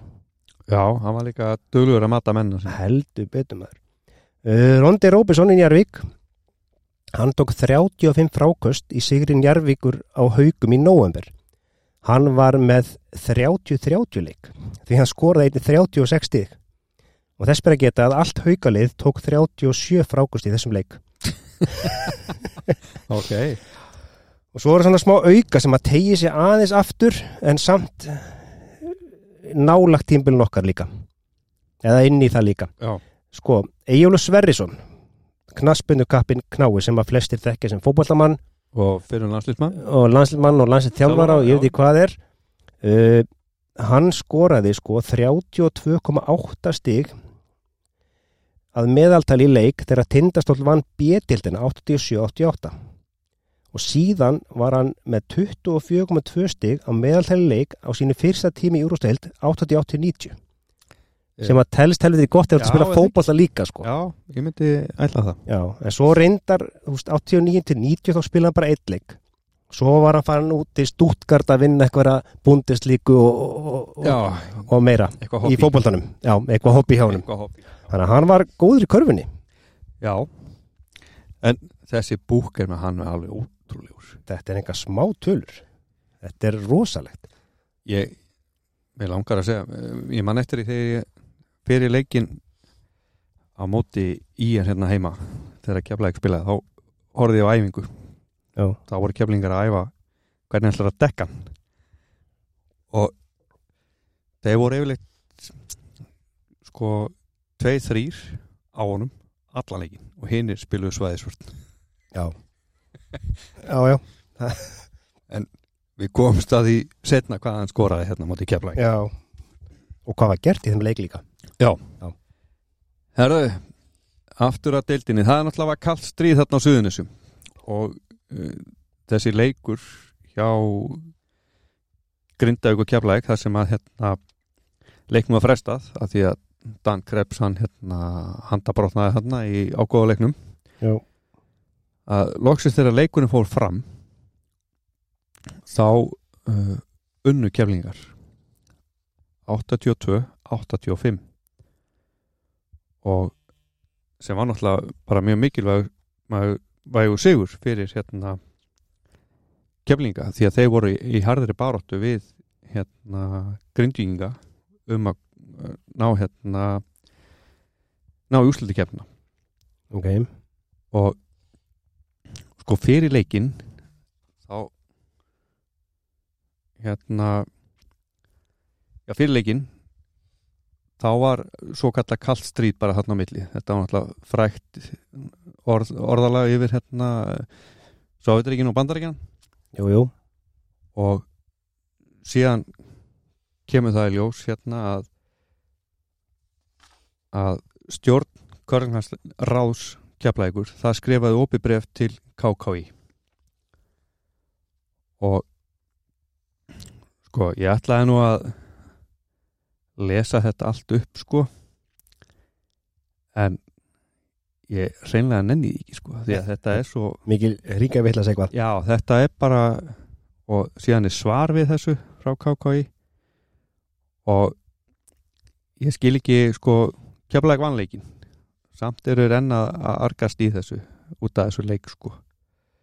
Þannig að auki að leggja þetta bara til hliðar og þetta fór svona að leiknum að frestað og keflaðið vann já, nei, samt geggjað galið að hérna, eða galið, veit ég hvað maður að segja að allt þetta er í gangi og það þarf alltaf að skrifa bref í blöðin. Gáttu menn ekki bara hringnir í KKI eða bara búið að funda eitthvað staðar og rætt málin? Það kemur bara heilsiðu bref í, eitthvað blað frá Keflavík og svo daginn eftir annað heilsiðu blað, svar frá KKI Já, þetta var svona, fullt mikið dramatík og ég held að ekki skipt neina máli hvort að leikun hefur verið fresta tvo daga eða ekki sko, þú veist, það er bara mitt álit Já. nema hvað ég ætla, ég ætla að fá að minnast á eitt að hún heldur áfram Já. það var hérna, held ég áður en að Keflavík og Grindavík þá var hérna Ír sem tapar fyrir KR og Búk er með eitthvað 55 stig klassísk Já. mér langar bara að fara yfir dómaran ég ætla aðeins að minnast á þá hérna í nokkur leikjum sem var komað í framhaldinu Já, já, það er einmitt stendur sko leikinn dæmdu Bergur Sveingrimsson og Víglundur Sverrisson Já. Og þar stendur, þeir voru slakir sérstaklega í fyrriháleik þannig að veist, það er aldrei verið að skafa sem er dómar en veist, það er eins og þið fóðu aldrei góða dóma. Það er alltaf þeir eru eitthvað ömulegir eða eitthvað álíka. Þetta er já, kannski var þetta að fara að fara á sáluna hjá dómarnum það gæti verið sko. Þeir lesa nú blöðun líka. Já, já, en herðu, tindastórsmenn þeir lendi í vandræðum því að Pétur Guðmundsson hann meittist tóknaði á, á hásinn í leikamátti keflæk og var talað hann er frá í hálfan mánuð. Og að hann gæti að hann ætti að ná leikamóti, mjög mikilvæg leikamóti Grindavík í loki januar en uh, annað kom nú á, á daginn sko. Já, já, þetta að vera að hafa áhrif. Svo settist okkar maður fyrir norðan niður við reytvelina og létt blaðamaðurinn sem myndist á áðan. Já, Gilvi Kristjánsson. Já, og fyrirsögnin er hróðalegu dómur á Akureyri. Óþólandi að dómar að ferðast með liðunum í handbolta og körubólta Handbolta? Já, hann, hann bara talar um sko að því að voru ekki samböndin að spara sér penning Jú, það geti verið eitthvað svo Það hefur verið það hefur freka verið regla en hitt undanferðin ár að dómari körubólta ferðist með liðunum frá höfuborgarsvæðinu í leiki út á land Eitthvað mun vera, vera um þetta í handbolta einni og um helgina gerist atvik sem hlýtur að verða til þess að menn fara að hugsa þetta mál upp á nýtt. Hér er átt við hróðalega dóm í leik Káa og stjörnunar á Akureyri en dómar að þess leik flugu norður með liði stjörnunar og með þeim suður aftur með annað stíð. Hér verður ekki sagt að dómarinn hafi verið að þakka fyrir samfélgina en hér hefur það gest sem oftar hefur verið að dómar að fljúi leiki með liðunum sem sagt suður. Það er algjörlega óþólandi fyrir liðin út á landi að þetta gerist enda óþarfi. Ég hik ekki við að fullera það, til dæmis í körfaltanum norður á Akureyri hefur þetta mjög oft leitt til þess að vafaðri sem komu upp eru dæmt aðkomu liðunum í vil. Dómarar eru einni mannlegir og eiga ekki auðvelt með að setjast upp í flugvel með öðrum liðum eftir leiki ef leikmenn þess eru óanæg með domgæsluna. Því það ávalt í huga dómara að reyta þá ekki til reyði en það er frekar í lægi þótt það sé á hinn veginn. Það hefur líka oft gerst að leikmenn aðkomulis í leikjum út á landi hlæja þessu fyrirkomulegi. Segja hlæjandi að þeir hafi komið með dómarar með sér og myndu aldrei láta bjóða sér slíka framkomu. Hér verður að breyta verða breytinga og vonandi hefur það gerst á akkurir um helgina þegar þessi menn sjá að sér og stöða þetta rugl í eitt skiptir öll og hann er bara að segja að, að dómar dæmi á móti þeim fyrir norðan. Já, því að þeir fljúum með liðinu tilbaka aðkomuleginu já. En svo sem að þetta eiga nú að vera fullotni menn og ekki að þurfa að vera að rífast í flugvilinu á leiðinni heim sko, leikurinn er búinn. Já, akkurat sko. Þannig að þetta er mjög sérstakt. Svo fóru menn að velta hvort að Koftún, Anatóli Koftún sem var hérna leikmaður Káaringa sem lendi í bílslýsinu Já, og uh, hvort að hann kæm og myndi spila með káliðinu og þeir væri þá með tvo útlendinga því að það mátti bara vera einn inn á einu þannig að þeir gætu í raun og veru alveg haft tvo útlendinga. En það hefði ekki náttúrulega gengið vel hjá káaringum þannig því að það var mikið um meðsli en ef við erum með tvo útlendinga máttu þeir, veistu það veist, máttu þeir báði vera á skýslu og bara einn inn á einu? Einn inn á einu Ok, þannig að, já. Ekki bara einn þú veist, ef að bó var að spila þá þurfti hinn að vera upp í stúku. Já, nei, Nei, ok, heldur ekki, ekki sangat þessu. Já, ok, ok. Það eru svo er meira keflingum. Þeir voru óða brasið þetta tímabil. Þeir eru alltaf að rífastu ykkur. Já, það kom fyrirsögn hérna. Keflingar mega skamma sín. Við höfum tvívegis orðið að fara akandi útilíki vettur vegna þess að ekki var flugveður. Ég skil ekki hvers vegna það gengur ekki að, s- að sami yfir aðra.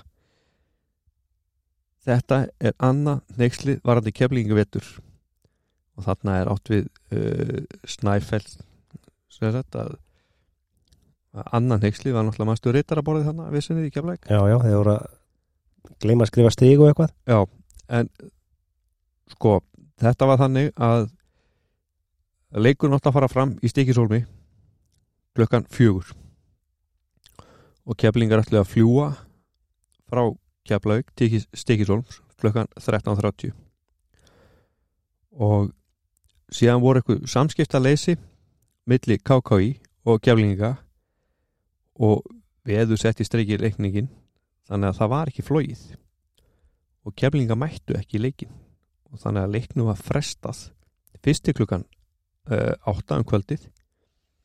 Og þá bara mætti snæfell, snæfell í húsið og, og fullt áhörðum og engi keflingar. Og hérna mönnum var bara heitt í hamsi sko, svo keflingar ætti að skamma sín sagði hérna þjálfari Snæfells Reit Þorkils hann var sko ekki ánað með þetta. Og keflingar þeir stóðu náttúrulega ekki á svörunum sko að Sigur Valgeirsson formaður Körlingarsráð Gjaflægur segir hérna ég skil vel afstöðu snæfendinga við bönduðum flug til Stikisson kl. 13.30 í gær og þá var okkur sagt að vera ófært. Sem sagt að fljúa stöttu setna kom ný veðurspá frá flugfræðinu og þá var okkur sagt að er öruglega flói setnipartin þess vegna hættu við öll áform um rútuferð vestur. Við byggðum bara eins og grasasnar. Auðvitað áttu að leggja strax í hann með rútu. Þannig að þeir vissu ja, svona, áttu við sáðu hvað þeir höfðu gert. Ef maður hugsa um þetta í dag þá finnst, finnst mér persónlega og kannski einhverjum fleiri og yngri sem er að hlusta á þetta hálf galið að þessi að fljúa á stikisólm já, en ég held svona þú veist, ef maður hugst tilbaka, þú veist, það var ekkert búið að opna göngin. Nei, þetta var aðeins lengra heldur en fólk átt að segja á að keira á stikisólm já, þannig ég skil þetta svona semi mikið en mér finnst samt galið að vera að fljúa frá keflega á stikisólm til að spila kvörpallaleik akkurat sko. Þetta tók langa tíma að kera hana. Já, Pétur Guðmunds, maður hann meittist á hásinn hann á móti Keflavík. Já, já, og þeir áttu síðan tindastólsmenn mikilvægur leik á móti Grindavík. Og hann var ekki verið nægilega góður að þessu meðslum sko. Hann var einhverju brasi. Já og svo fór að, að tindastólsmenn töpu fimm leikjum í röð. Það er á vel á móti ír. Og allt leiki sem að, að hann var ekki, ekki hérna með. Mm. en á móti ír Já. þar skoraði bókar 49 stig. Bara hans svona.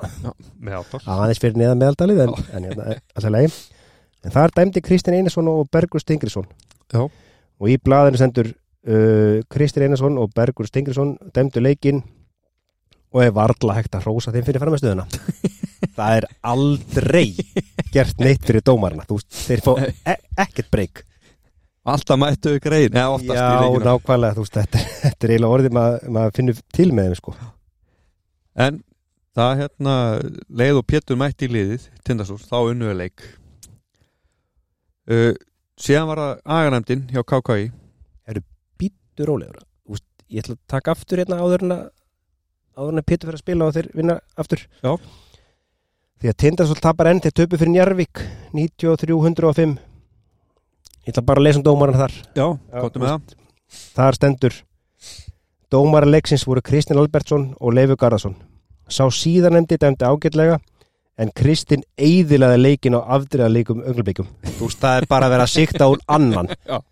já herru, Þeir eru ok. ekki lið þarna Nei. sko? ég fyrir alveg að hætta sem dómaran en ég, ég bara þetta stuða mig svolítið. Já. En já, hérna aganemdin hjá KKI hann vinnur okkar fyrir norðan Gilvi Kristjánsson hann settist niður við ritvelina enn og aftur. Þar sem að sko við þökkum ekki þökkum við þökkum stundum og stundum ekki fyrir var í sjóarpinn dag. Jú, jú. eða á íþróttaleikjum í dag. En aganemd svona þegar það hendar. Já, þegar þegar að henda sko. Agarand Körglagnin samband Íslands hefur dæmt bandaræsleikjum Damon Waynes sem leikum með haugum í einsleiksbann en ekki tveggjarleikjabann eins og reglu hefur verið fyrir sama, samskona brot og hann var dæmdu fyrir Skýringan segja agarnenda menn að þeim hafi gefið kostur á að sjá atviki í sjónvarpi og hafi það ráðið ákvörða þeirra. Ég hygg að þeir sem fylgjast með körubólta og um, umrætt atvik í leik Kára í sjónvarpinu hafi fundist brot vins lítið fjörlegt og áhöld um að það hef hvort það hef verðskulda brottvísun og leikbann. Sko, ég, ég veldi einu við þetta hlýtur að hafa verið að Þór hefði átt að vera að spila síðan við hann sko. Hefur sloppið eða sem sagt sl- einn leikur ekki að mátti Þór þau átt að spila, skilur hvað við? Já, já, lítur eitthvað svo leys er þóra á eitthvað að hagnast af þessu. Já, potjett og hann lætur menn heyra það hérna sko. Ég ætti ekki að fara nánur til það sko. Nei, en ég held bara að menn myndu fagna þessu sko, hann sé ekki dæmdur í tveggjarleikja bann ef hann, ef hann hérna ef hann ætti ekki að fá tvoleiki sko. Akkurat.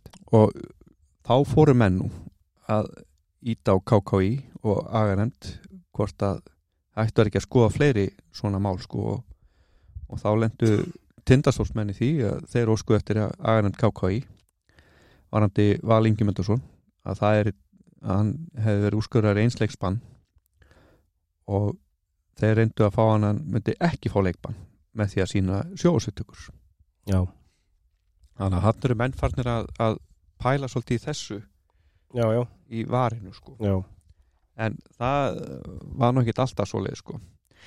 Svo hérna að Frank Búka sko hérna eftir tímabilið að að hafa nú viðtal við hann sko. Eða eftir tímabilið eftir, eftir að ég er hérna uh, lauk keppni að þeir komast ekki í úslitin sko. Já, að uh, hann vill koma aftur til Íslands og, og en hann segir sko, hann vil spila með ég en hann er með samt bóðið að taka þátt í ykkur NBA-programmi já, og hann sagði sko ef að, ef að hérna ef það er Michael Jordan eða ég þá myndi hann nú velja Jordan. Svo á svipun tíma sko þegar þetta er all- alltaf líðandi lokana þá er hérna vinna grindvíkingar grindvíkingar hérna hauka. Já. Dómartið þeimleik ég er alveg að að hætta þessu Dómartið þeimleik uh, Dómartið voru Kristinn Albertsson og Helgi Bragason og gerðu þeir sín mistök. En sem betur fer er engin fullkomin sendur Já, lokin. Já, já, það er aðeins frá réttast við. Þú veist, þeir eru aðeins að- átt að sjá þessu. En svo mannstuðu snæfellinga þegar hún brjála út í keflinga út af hérna rittaramistökum Jú, jú, að þegar leikur Snæfells og Tindastól fór fram þá stóð á töflunni 83-86 fyrir Tindastól. Og Ríkar Hrafgesson hann reynir að jafna með þryggjastæðskoti en tókst ekki. Já, en síðan kom í ljós að það vantaði eh, hérna, stig hjá Tindastól. Þannig að loka tölu voru 83-87 Þannig að það hefði ekki skipt neinum ára ef hann hitt. ekki neinum ári Nei. sko. Ég... en þeir voru alveg brjálaði sko. En herðu, dómarið í þessum leik, þeir dæmdu bara ágætlega. já, Þannig að þetta er, þetta er að fara upp á við. já herðu þá er komið okkar upp á halslið hérna. Já, stjörnuleiknum og hann var háður í grinda ekki þessu sinni ok. og það var rúlarslið Suðunesja á móti lands, eh, landsúrvali og úrvarslið Suðunesja var þannig skipað Teitur, Örlegs Rondey í Njarvík, Falur Harðar Jón K.R.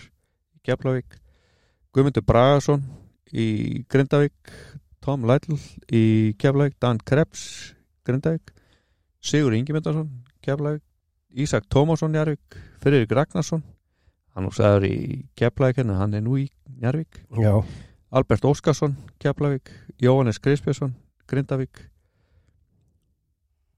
Og varamaður Steinþór Helgason er bara einn varamaður. Ha, ok, í stjórnuleiknum. Já, ok, ekkert mál. Og þjálfarinn er fyrir Grúnusson hjá landsúrólinu það var Frank Búkar í er, Jón Arnar Ingarsson Haukum, Damon Vins hjá Haukum, Pétur Guðmus Tindastól, Einar Einarsson Tindastól Brynja Harðarsson Snæfell, Pál Kolbjörnsson Káar, Axi Nikolásson Káar, Davík Grisson Val Sturla Öglisson Þór Magnús Mattiasson Val Valur Ingemyndarsson Tindastól og Varamæður, Djónan Bó. Já.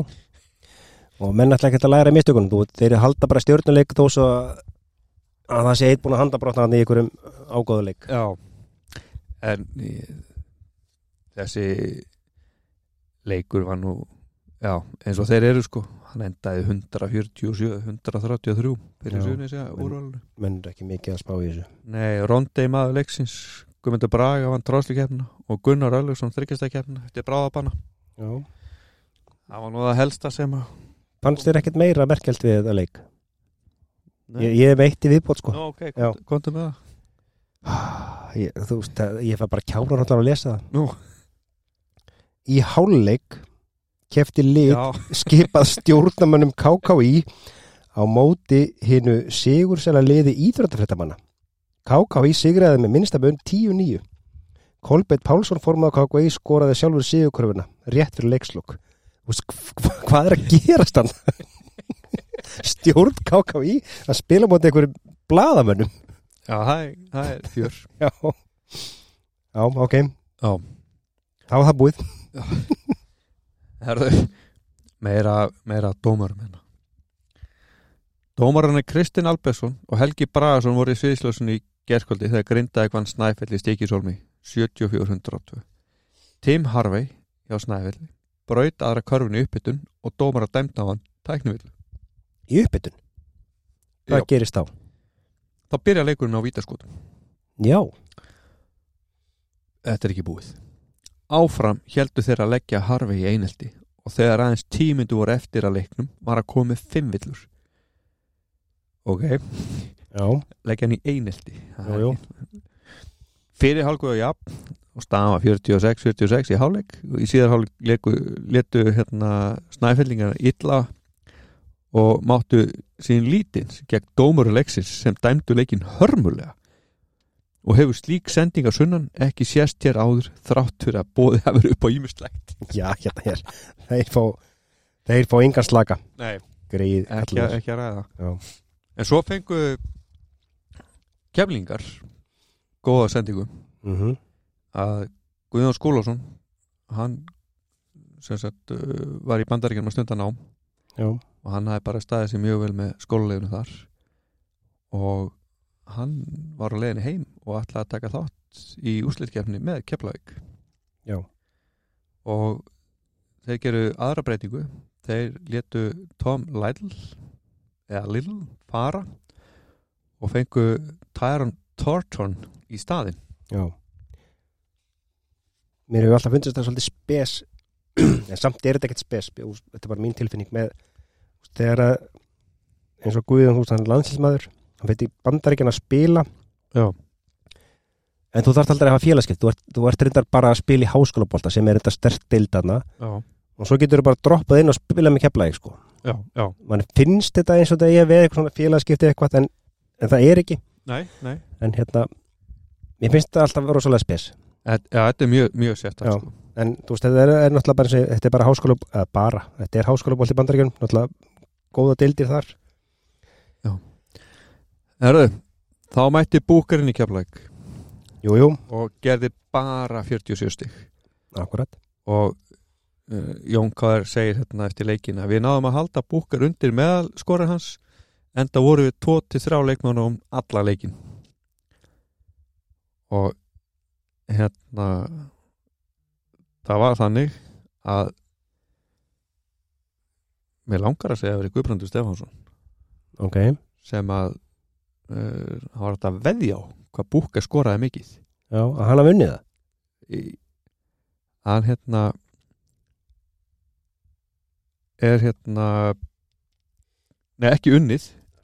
Hann stóð fyrir því sko. Já, já, fyrir því. það kemur ekki óvart og hérna það stóð til líka Tyron Thornton hérna nýji leikmarin ætti að, ætla að spila með kjafleika móti í er en að full bókaði vélina.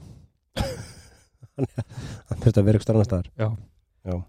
En hérna staðan í reilunum mm en þarna er hún var nú alveg ágætlega spennandi sko.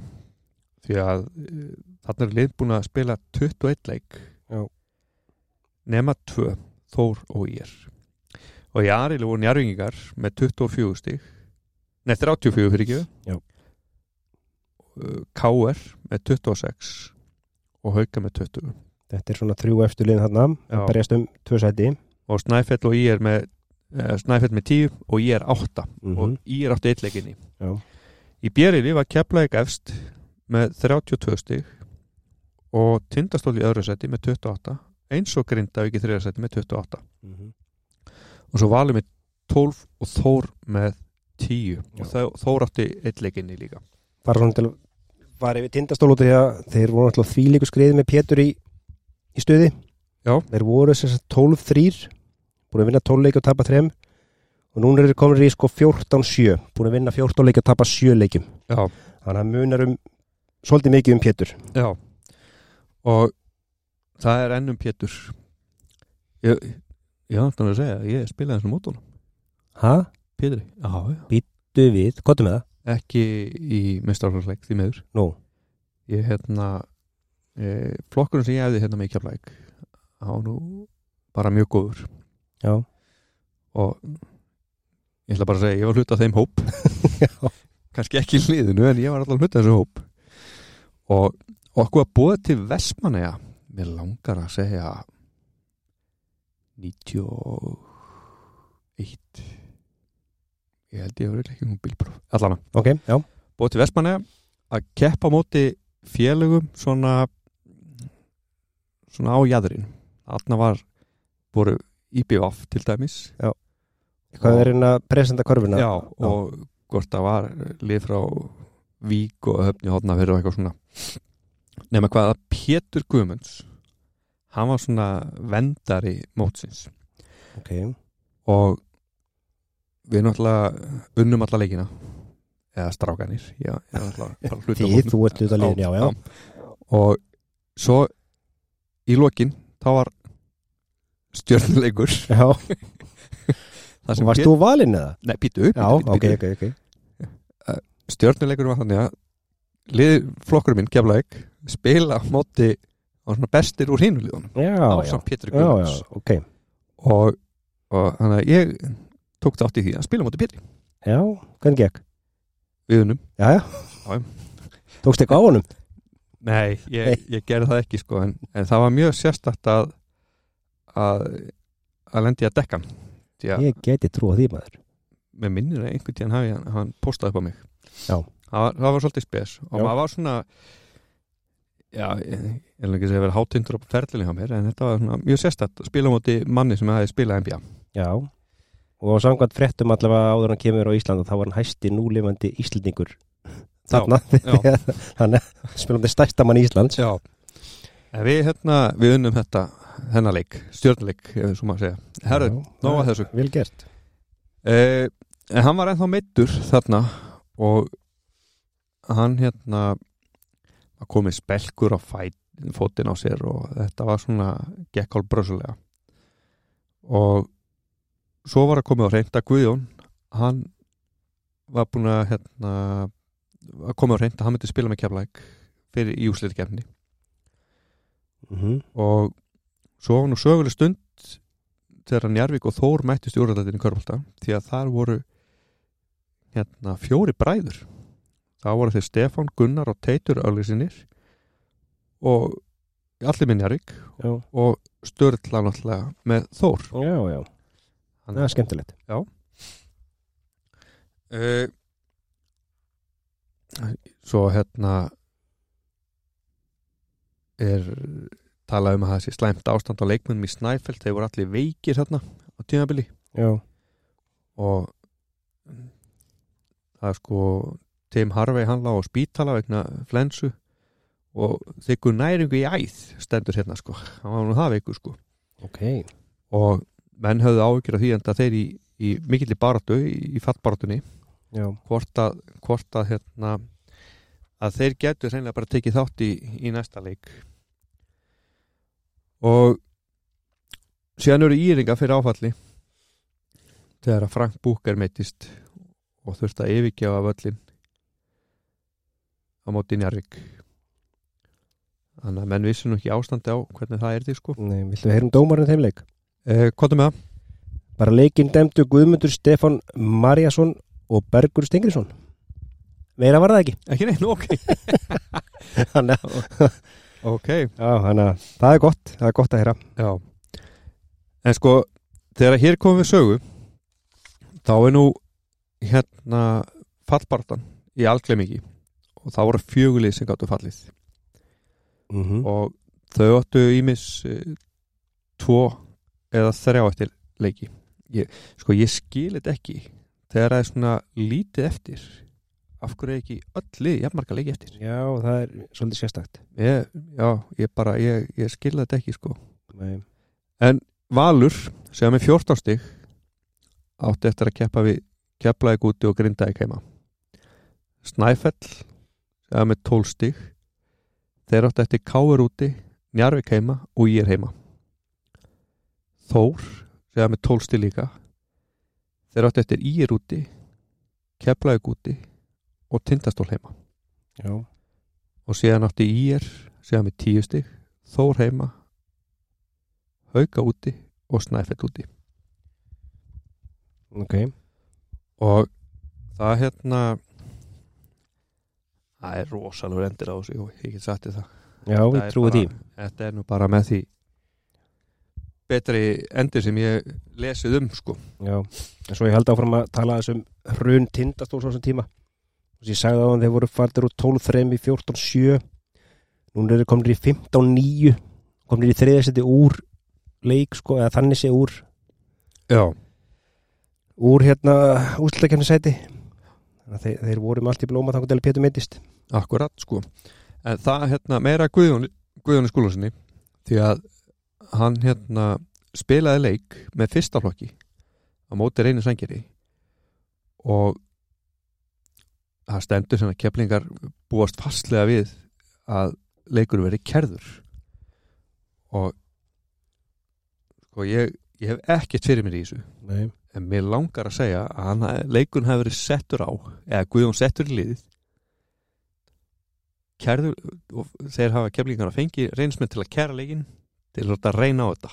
Já, það er ekki dósanlegt og Svona- ja, Já, akkur eftir að spila með fyrsta flokki? Já, nákvæmlega. Bara til að já, láta reyna á kerfið. Já, mig, gruna það. Ég hef mér Nei. í þessu en mig gruna það sko. Þurfum að komast að þessu. Já. þá voru það mjög snjált bragð og byttu nú við því að jú, jú, kæran á Guðjóni skólasinni var vísa frá. Já, þannig að hann telst löglugur með keflaðik svo er hérna aðeins um dómarana auðmikið dómarana já, og þetta er reyndar ekki Gilvi Kristjánsson. Getur þið bróður hans, Stefán Kristjánsson skrifar þetta sko. Já, menn hafa látið ímis orð falla í vetur í gard dómarans í körbaltnum og víst er að oft hafa þeir gráklættu átt ímislegt skilið í leik í úrástelda dögunum kerðum þverbakk, liðstjóri einn let, mörg, let mjög ófriðlega á bekknum og fekk tæknivilli eða líða tók að leikslokum. Eftir leikin hjælt liðstjórin áfram að skammast í dóbarun en uh, sem er einn sá reynslu minnsti fyrir ekki í deildinni og hótaði dómaran að gefa liðstjóran annað tækniviti þú þóriði aldrei helvítis aumingiðin saði þá liðstjórin og hafði nú rétt að standa. Já. Hann er Já, hann hefur verið eitthvað lítið í sér, dómarinn. Greinilega sko. Já, en manstu þegar hann braut spjaldi hana Tim Harvey já, í Stíkisólmi það fenguði að bætt út ringunum Já, já, það er ekki vera sem betur verið, það kostaði 100.000 En hvernig Við erum með hérna Fá kana. Við ætlum að mæta inn trygginganda Getið tryggt spjöldir okkar er svo þekktu fyrir að brjóta kurvnar en, en bara flott hjá þeim að geta hugsað út í þetta Átt að sjá þessu. Já, já. herðu svo komaði endalega í ljós að Pétur Guðmus, hann var bara úleik hann gati ekkert meir að hefði sko ripnað upp úr hásinn. Ég er ímynda mér að það sé gott maður Nei, nákvæmlega. Hvað var það að gera með eitthvað spelku? Var það á öklanum með það? já, Já, ok. Það var, það var alltaf reynd sko. Hann var í alls konar meðferðum og, og hérna svoleiði sko. Mm en sko uh, leikuð Þós og Tindastól sem var þá síðasti leikurinn. Já, hann skipti sköpum.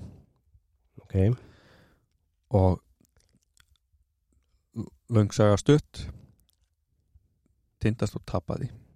97-96 og þannig að Tindastól misti að úslita kefnisætinu og Þór bjargaði sér frá falli. Og það er einhver ungu piltur hérna Helgi Jóhannesson Já, sem var að stíga sín fyrstu skrifi mestrarhóki, hann skoraði sigur köruna með langskoti þegar 6 sekundur eftir leikn þannig að þetta hefur verið sturlað moment sko, ég hef ekki tíma þetta með það. Já, heldur betur. Það er vel gert. Þannig að uh, síðan var að Snæfell.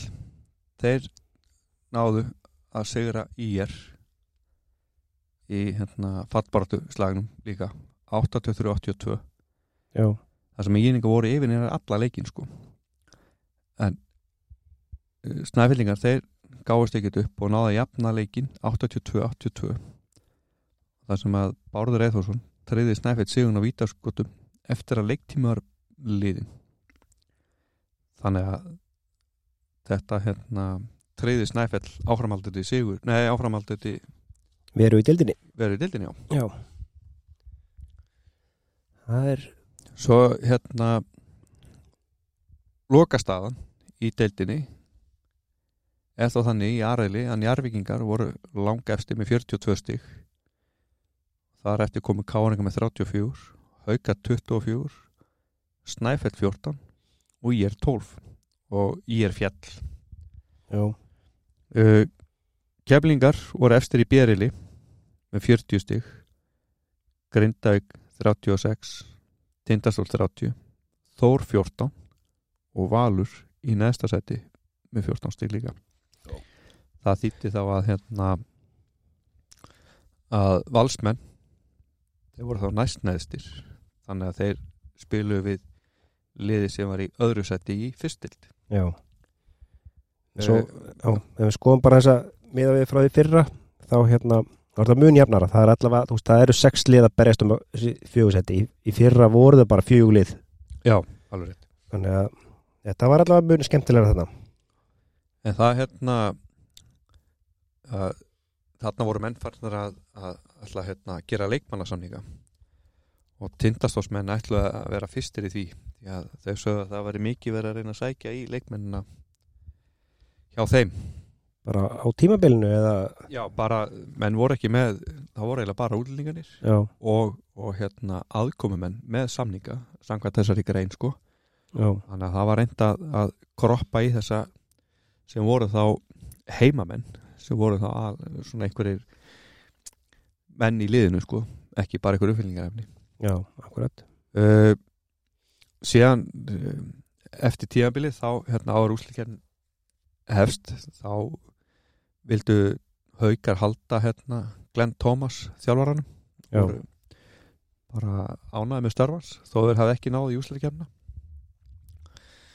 uh, síðan er vital við hérna Rondi Robertson hjá Njárvík að hann hérna náttúrulega viðkynna það að hann spilaði ekki vel já, þarna í Reykjanesbótinu þegar hann var þjálfari. Og njárvíkingar ætluðu að ætluðu að láta hann fara bara hreinlega.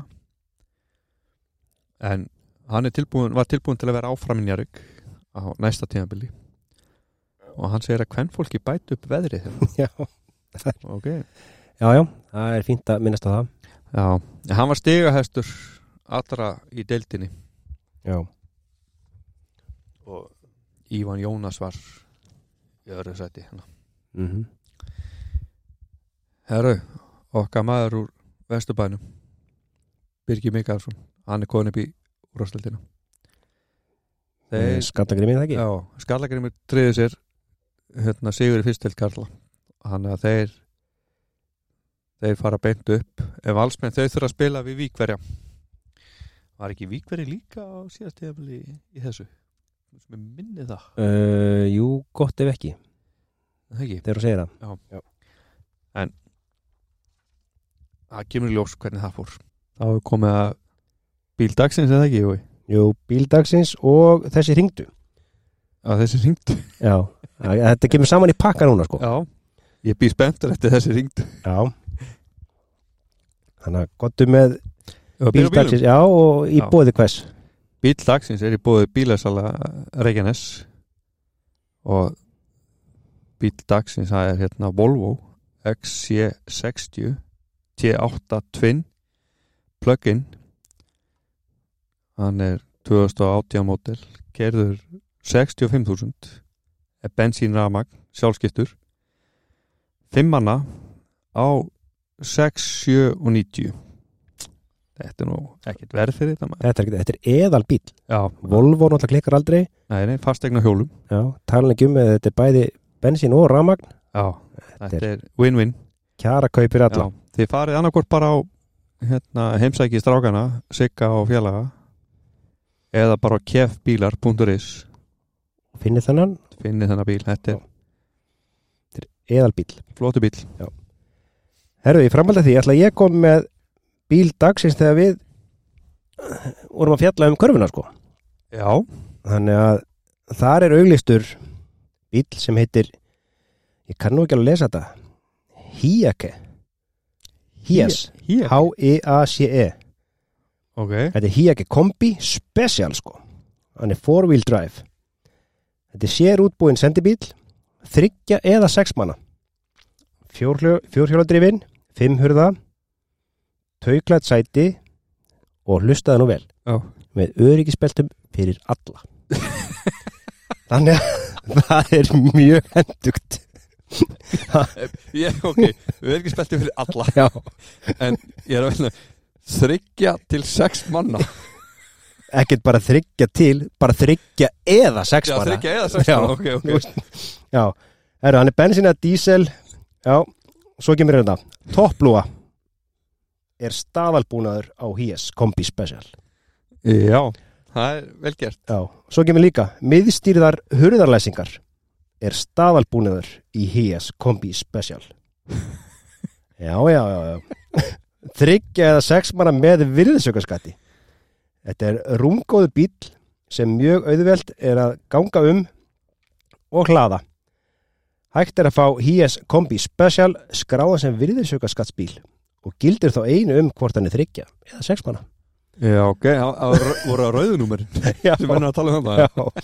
Já, vel gert. Já, en mér finnst það bestið þessu, þú veist að það séu belti fyrir alla. Það Það, er- það er hendugt. er mjög gott, já.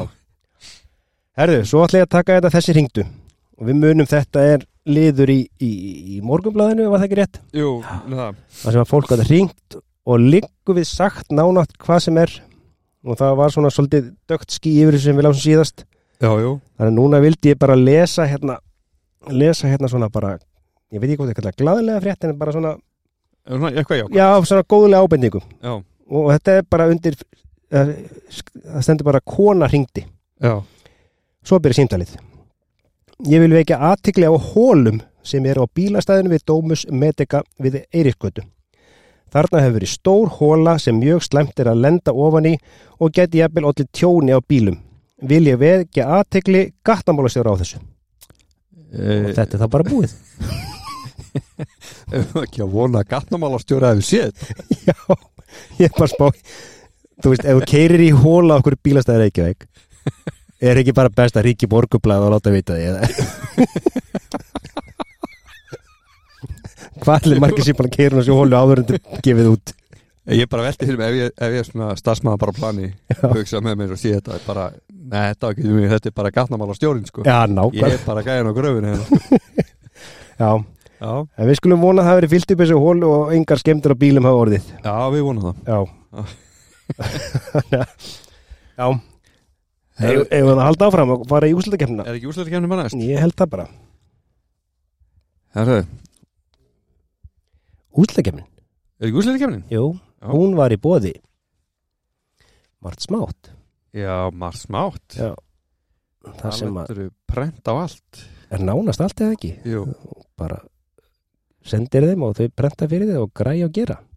og ef þið vantar bara gula bóli Þá bara ríkir Mart smátt. Það er ekki þess að brenta þá. Nei, nei, bara, bara gula Já. Það er ekkert mál Þannig að endilega Mart smátt, okkar fólk. Já Herðu, það hérna í úsleitkemni þá var það nú þannig að að það þurfti að hérna vinna Tvo leiki. Tvo leiki. Og svo þrjá. og svo þrjá. Og grindvingar þeir tóku á móti nærgingum og það er skemmst frá því að segja að, að njárvíkingar áttu ekki miklu vandræðum með grindvinga í fyrsta, fyrsta leiknum Ok. og Sem var í Njarvík þá. sem var í njárvík Já. og áttu þennan sigur bara fyllilega skilið og, og þetta enda einhvern 17 stigum Já. Þannig að það kom 1-0 fyrir Njarvík og mútið Grindavík. það var 1-0 fyrir Njarvík móti Grindavík og síðan uh, í hinleik, hinleiknum það var keflaðið móti KR og Í Keflavík. í keflaðið þar Já. sem að, að KR-ingar unnu örega sigur 84-71 á, á í keflaðið og það sem að að, hérna, Birgir Guðbjörnsson listjóri Káninga, hann segir hérna að þetta var fyrst og fremst sigur liðseldarinnar og að varamennir hérna, spiluðu stórt hlutverk. Og þetta var nú ekki eitthvað sem að keflingur voru vanir, það var að tapa á heimavelli sko. En það var Gauji skúli það ekki byrjar að spila með keflaðið aftur? Jú, hann, hann var í liðinu þarna. Ok, uh, síðan í setni leiknum hjá Njarvík og Grindavík. Það er unnu Grind, nei, Njarvíkingar bara nokkuð örglega 82-93 og þeir áttu svona sem aldrei möguleika hérna Grindvíkingar í þessu leik. Ok Þannig að það er alveg þá bara komið í úslit, já, Já. 2-0 2-0 þar. Já, Keflingar mættu grimmi til leiks í lögatarsölluna í setnileikinu móti Káir og síndu styrk sinn heldur betur þar sem að þeir unnu 75-92 bara valtaði þá. Já og það er málega að segja sko að Káaríkar þeir náðu góðu fórskoti í upphæðuleik þeir kost í 25 og 29-13 Já, og það leit út fyrir að þetta er bara stór sigur fyrir Káaríka en allt kom fyrir ekki og Keflæk vann sér sett þannig að- að það þurfti að fara suðum með sjó. Í átaleik En í þessum leik, þar sem keflaðið vann í löðsvöldinni þar er skrifan dómarna Já, Leikin dæmdu þeirri Kristinn Albertsson og Kristján Möller og voru hreint frábærir í þessum leik. Já, þannig að bladamennin er eitthvað að lifna við í betur. Það er bara ánægilegt Sko það var þannig að það var vital við hérna Axel Nikolásson fyrir leikin og hann hérna hann gæti náttúrulega lít, hann var lítið með Káir þetta tíðanbili, hann var mittur á baki. Og þetta átti að að vera hann síðasta tíðanbil og hann ætlaði sko ekki að enda ferilin í Keflavík. Nei. Það er að segja, já, í keflaðið húsinu Já. Og þegar að þeir mættust keflaði og káir hérna á sunnbreytinni var bara geysileg stemning í hýrdósinu allt raupaði til enda og leikurinn var hraður og skemmtilegur. Og það var jafnt nú á flestu tölum en keflingar náðu fjárastega fórskoti 82-78 þegar skamtar eftir að leiknum. Og Káningur tóst að minka munn í 82-80 og náðu boltanum aftur eftir að uh, sókn hjá keflaði hafi klúrast og þeirra mínúta var eftir að leiknum. En í staðins að jafna þá mistuðu boltan og geflinga bættu við tveimstugum og unnu þá sagt, síðan fengur tvö viti í lokin. Hann að þeir unnu 86-80 Já, þannig að keflaðið kom í úslit á móti Njarvík á móti Njarvík hverjir eiga óttaleikin, hverjir voru með betra eða hverjir er heimaleik fyrst, hvernig voru þetta? Njarvík Njarvík, þannig að Njarvík og óttaleikin Já, Njarvík á, á heimaleikin og það var náttúrulega gífuleg stemning á Suðunisum ég, þú maður slík eftir því, það var bara svakalega gaman hérna. Já, já, en svo fóru nú að, að Njarvíkingar þeir reynilega rúluðu upp keflingur í fyrsta leiknum. Þeir seguru keflæk 96-59 já alvöru bust er ekkert mætt keflingandir Nei, það var sko þeir komist í 32-8 þegar tímundur eru búin að leiknum. Já, og það bara þeir sá aldrei til sólar í þessu leik nei, keflingar og svo í miður úsleitikefni þá var hérna Frank Búker og, og samti við Val. Þannig að valsæðnir er farið að græja næsta tímabil Já. meðan úslutakefnir er í gangi. Og, og eins og hann saði fyrr í hérna vetur ef hann, langaði að vera hjá ír en þeir náttúrulega fjallu og hún var búið að æfa með Chicago hann að Chicago Bulls hann um sumarið. Og það var að sama með Val og Michael Jordan. Hann myndi freka að taka Michael Jordan en Val. Já, en svo hérna var komið að leik Njárvíkur og Keflinga númer 2 það sem að njárgingar rústu hérna keflingum, hvað er ekki, 37 stig eitthvað, ég man ekki alveg hvað var. Jú, í fyrsta leiknum. Og það var vittal við Gunnar Þorvarason þjálfara grindinga sem að þekkti náttúrulega bæði vel til keflægur og njárvíkur og hann segir hérna úslitin í fyrsta leiknu komið mér óvart. Þetta er leikur sem keflingar vilja gleyma sem fyrst og slíkur leikur kemur ekki aftur í bráð. Nú telja flestir að eru meistarar en þetta er ekki búið. Þó hallast ég að sigur í njárvíkingar sam, samalagt 3-1 þannig að hann er nú á því að njárvík muni vinna. Já, segja satt úslita einmið Já. en síðan fóð nú um sjóferð þá að keflingar unnu leikin 75-73 og náða að jafna í 1-1 og í fyriráleik það náðu njörgingar 14 stega fórskoti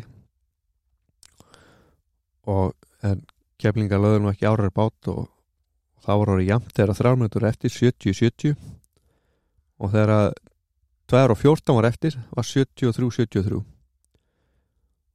og þegar að hérna Falur Harðarsson skoraði úr vítaskotum tveim vítaskotum þegar nýju sökundur eftir og treyði þeim sigurinn 75-73 en njáringar fengu þryggjastæðskot og, og það geigaði hjá þeim.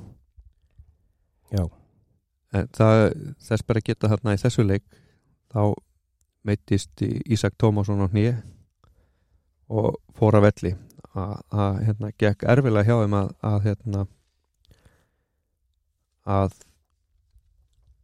uh, hafa stjórn á leiknum eftir að hann fór út af Já. síðan var það uh, þriðileikurinn í Njarvík Mhm.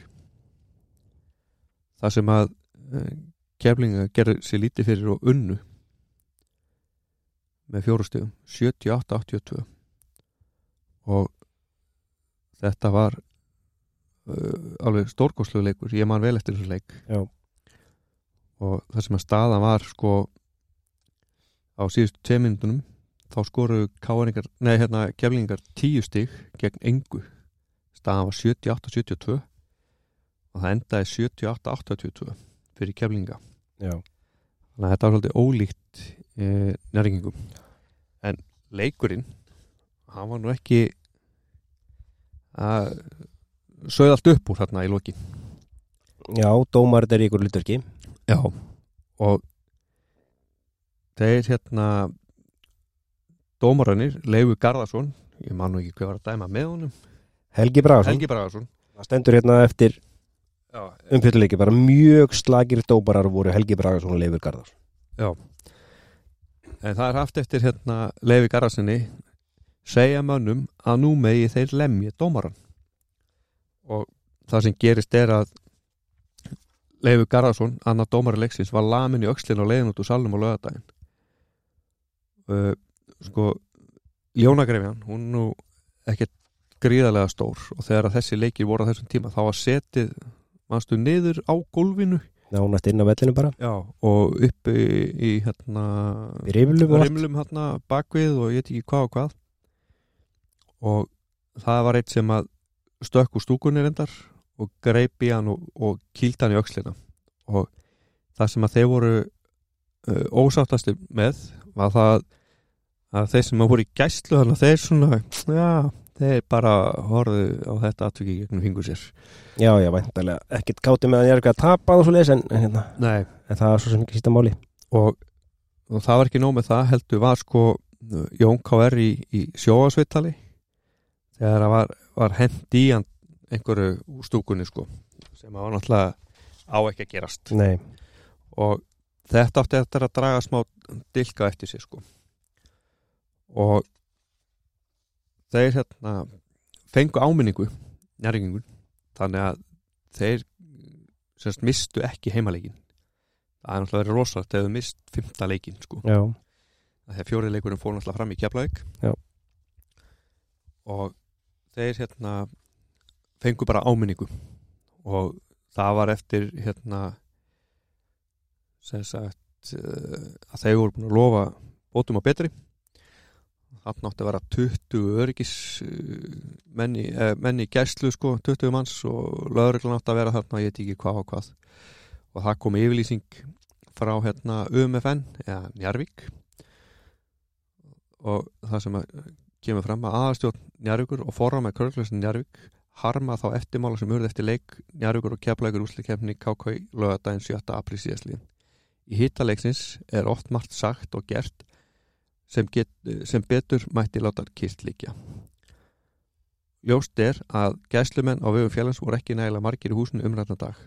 Um Njarvík byður dómara leiksins velvinningar á þessum óþægendum sem þeir örðu að leikloknum úrbóta er heitið. Þetta kom frá stjórn UMFN og Körglastildar. Böðvar Jónssoni, formanni Jip, Körjungarsleldar hann er nú eitthvað verið í fótballinu að er ekki formaður þar? formaður Já, jú, eitthvað. En menn fengu ja, hérna, blöðin fengu nú hérna, menn til þess að spá í spilin. Og þar á meðal Rúna Júliusson heitinn hann spáði því að Keflæk myndi vinna 84-82 sem sagt það er þá fjórðileikurinn í Keflavík. Er ekki farið með eitt er nokkað Já, ég er að velta fyrir Eru þeir ekki að spá í um ottaleikin eða? uh, uh, uh. Nei, er það? Nei, nei, Herru, nei, nei þeir, nei þetta er rétt hjá þér Þetta er rétt, það þér, jú, jú, jú. Og já, Rúna Júlusson hann spáði keflingu sigri og Stefán Bjarkarsson hann segir að njæringa þurfa að leggja allt í sölunar en það hafa þeir engu að tapa og hann spáði 89-80 fyrir njæring og Hafstedt Guðmundsson sem er nú hérna gammal fótboltaþjálfur á keflæk hann spáði keflæku sigri. Og Hilmar Hafstedtsson hann spáði njæringum sigri 90-94 eftir framlíkingu þannig að þetta menn stuttu sín lið þarna sko. Já, svo fó nú að uh, njárgingar þeir náða að jafna metin í 2-2 og það var ólýsaleg stemning í húsinu þarna. Það voru 1500 áhörður þarna er búið að tjálta öll til setja stúku fyrir aftan já. karfinnar og alls konar. menn sátu allstaðar þarna held ég. Og það hérna njárgingar er unni með tíu steða mun. Og þeir byrjuðu bara tölver betur þó að keflaði hvað ná að jafna þá náðu þeir góðri fórustu 40-25 en keflinga náðu að jafna aftur fyrir hérna leikli, munið bara einu stíði leikli og þráttur að þeir voru koni mikil villuvandaraði þá hérna seguruðu njárginga með tíu hana Þarna eru blaðamenn. Farnir að, út af það er allt í toppmánu sko, þú veist, úslutakefnin í fúli sving og allir glaðir og stuð. Já, og þá fór dómarnir góða engun Já það ekki? Jú, í þessum leik þar sem að njárvikar jafna 2-2 þar sendur bara leikin dæmdu Jón Ótti Ólafsson og Kristján Albersson og stóðu sér frábærlega ver, vel. Er vart við öðru að búast er að þeir dæmi úrslita leikin sem eftir er? Já, þannig að þarna eru blaðmærundu glaðir já. Fyrir hönd dómara. Loksins. Ekki setna vætna Nei. En það er hérna alltaf mikið töðastri fyrir úrslitaleikin að hérna í, sem var í í sambandi við gessluna og það. Nei bara, menn voru stressaði fyrir leikin sko. Já, já, dómarna líka. Já. En ég heldur sem ekki að koma reynum þegar við segjum að, að hérna að njárvíkingarunnu og kannski með óþara miklu mun sko, vin- vinna hann 84-75 og njárvíkingar voru yfir í leikli það sem að já, voru 41-82 yfir. Þannig að þessi munur hefur haldist bara alla leikin og það voru 800 manns sem sáu leikin í Njárvík og 500 horða á hann á reysaskjá í Írdósni í Keflæk minni nú að ég hef verið þar. Já, þetta er bara þokkalegt sko. En það er viðtal við hérna Gunnar Röglegsson hann var, ég var hann vel heitur fekk góð skot og tók þau. Það er erfitt að leika gegn Keflæk og þetta gekk upp hjá okkur að þessu sinni. Það var alveg frábært að vera Íslandsmeistari og ofsalega gaman. En hann sér satt kom hann inn, inn í liðið eftir að Ísak meittist Já, ok. Hann sér satt Ísak Tómasson hann meittist bara eftir fjóra hálfa mínútu og fóð bara á, strax á sjúkarás Já, og sem mun eitthvað frá þessum tíma þá er þetta leikurinn sem að þeir skalla hvern annan. Ísak, nei hérna Teitur og Gunnar. Já, og þannig að það má segja að þetta hefur verið heilla skref fyrir njárginga að, að láta Rondi Robertson hætta þjálfa og, já, heldur betur og Frikka Rúnars taka við. Já. En ertu eitthvað með meirum dómarna frá þessu, í þessum leika? uh, Já, Já, ok, það var Jón Ótti og Kristinn Alpes. Já, skiluðu erfiðu hlutverki frábælega og framist þeirra til mikill að fyrirmynda. Akkurat. Þannig að þeir voru bara stóðu sér nokkuð vel sko. Það er eitt í viðbót. Býtu við. Með þannig leik hérna. Ok, Sko. Magnús Ver Magnússon. Krafta Jötun Já, já, Hann var fengið til að vera sérstakur gæstlumaður fyrir á þessum leik. Já, að Já, þannig að þeir treystu kannski ekki alveg gæstlunni og fengu bara Magnús Ver til þess að passa upp á sig já, já það kannski borgar sig. Já, En hérna eftir tímabilið þá var Magnús Mattiasson Val valinn bestur. Og hann var líka valinn besti nýliðin. Já, og Rondey Robinson hann var stigahestur og frákastahestur. Og Frank Búker hann skoraði ju flesta þryggistakvörunar uh, Brynja Harðar í Snæfell brúðasti leikmaðurinn. Og Teitur Öllus fekk velum sem besti leikmaður úsleikefnar og næklið það var Jón Kári Gíslason og Falur Harðarsson og Keflæk Teitur Öllsson Njarvík Magnús Mattiasson Val og Valur Ingimundarsson Tindastól. Og þjálfar ásinn var Friðrik Rúnarsson Njarvík eðlilega. Já, og Kristján Möller frá Njarvík var valinn besti dómarinn Já. uh, síðan á þessu sama lokahói þá hérna voru veitt viðurkenning fyrir gálustu ummæli. Já, og það var DFF sem að kom með. Dómaraleiksins voru Árni Frey Sigurlaugsson og Bergur Stengriðsson og var engu líkara en þeir höfðu sprungið í uppbyttum ok. Já, já. Og það var eitthvað meira hérna eitthvað, Sko, veistu hverju var að veita þessi velun? þessi, Já. E, voru ekki dómararnir? Jú, Ég- þetta, mér finnst þetta bara mér finnst þetta alveg gali, ok, ég veit við erum búin að tala svolítið mikið um hvað, hversu illa meðferð þeir eru búin að fá, já, það er búið að fara illa með þá. Svo kemur lokahóf og þeir eru með eitthvað grín velun í raunin að raun yfir allt og alla. Mér finnst þetta alls ekki eiga við. En þetta var nú ekki það eina sko, nei, mér finnst þetta bara bara fráleitt sko. Og því að, því að hérna þeim sagt dómara veittu viðurkenningu og velunni voru sagt deilt á dómaran bók eftir Jón Steinar Gullugson og það ári njárgingar Ingi Gunnarsson og Krispjörn Albesson og Heiða Gunnarsdóttir fengu viðurkenningu fyrir stúkudómgæslu og frá Keflavík var Sigriður Sigurðardóttir Margrét Sturlausdóttir og Magnús Jensson sem fengu þar í Keflavík. Og síðan var Eithor Lárent Sínusson og Þorvaldur Pálsson og Áskrimur Íslefsson Nei, það voru tveir fulltrúa frá Snæfill, Eithor og Þorvaldur. Áskrimur var fulltrúa hauka. Og síðan Kolbjörn Pálsson sem hefði gefið dómarum góð ráð þetta er náttúrulega alveg gali sko. mér finnst þetta, ok, mér, þetta er kannski eitthvað pínu fyndið en ég finnst ekkert fyndið við þetta. Nei. Nei. Herðu, þá eru búin að fara yfir þetta. Já, núna ætlum við að vinda okkur í, í, í byggarinn eða ekki? Jó, er ekki fínt að fá eitthvað svona smá ljúfa tónsöndu þar? Er þetta ekki svolítið dramatist þetta er eins og að vera sko. Já, en sjáum hvort þetta leiðir okkur. Þarna. Já við náttúrulega fórum yfir byggarinn í síðast þetta á svolítlu hundavaði. Já, var aðeins og rætt Já, við ætlum ekkert að eigða á miklum tíma í byggarinn og landslið, þannig lagað. En, En við minnumst á þetta og svona vonandi með helstu punktunum. Já.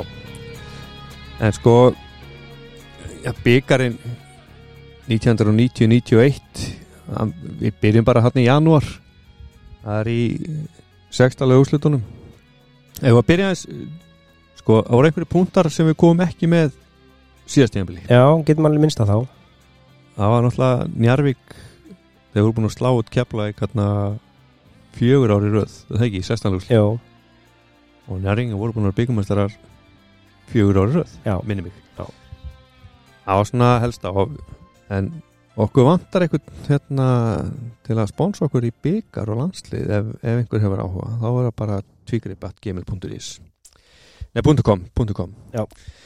Herra, það var dreigð í 16 úrslit í byggarkefni og uh, njarringar þeir fara hérna fengu tindastólsmenn í heimsókn og Káar mætir haugum í lögatarsöll og ég er á Snæfell í Seljaskóla og Káaring, neða keflingar þeir fá hérna víkverið heimsókn sem að meðal annars Tóri Magnússon og Jón Sigursson og Atli Eðvaldsson.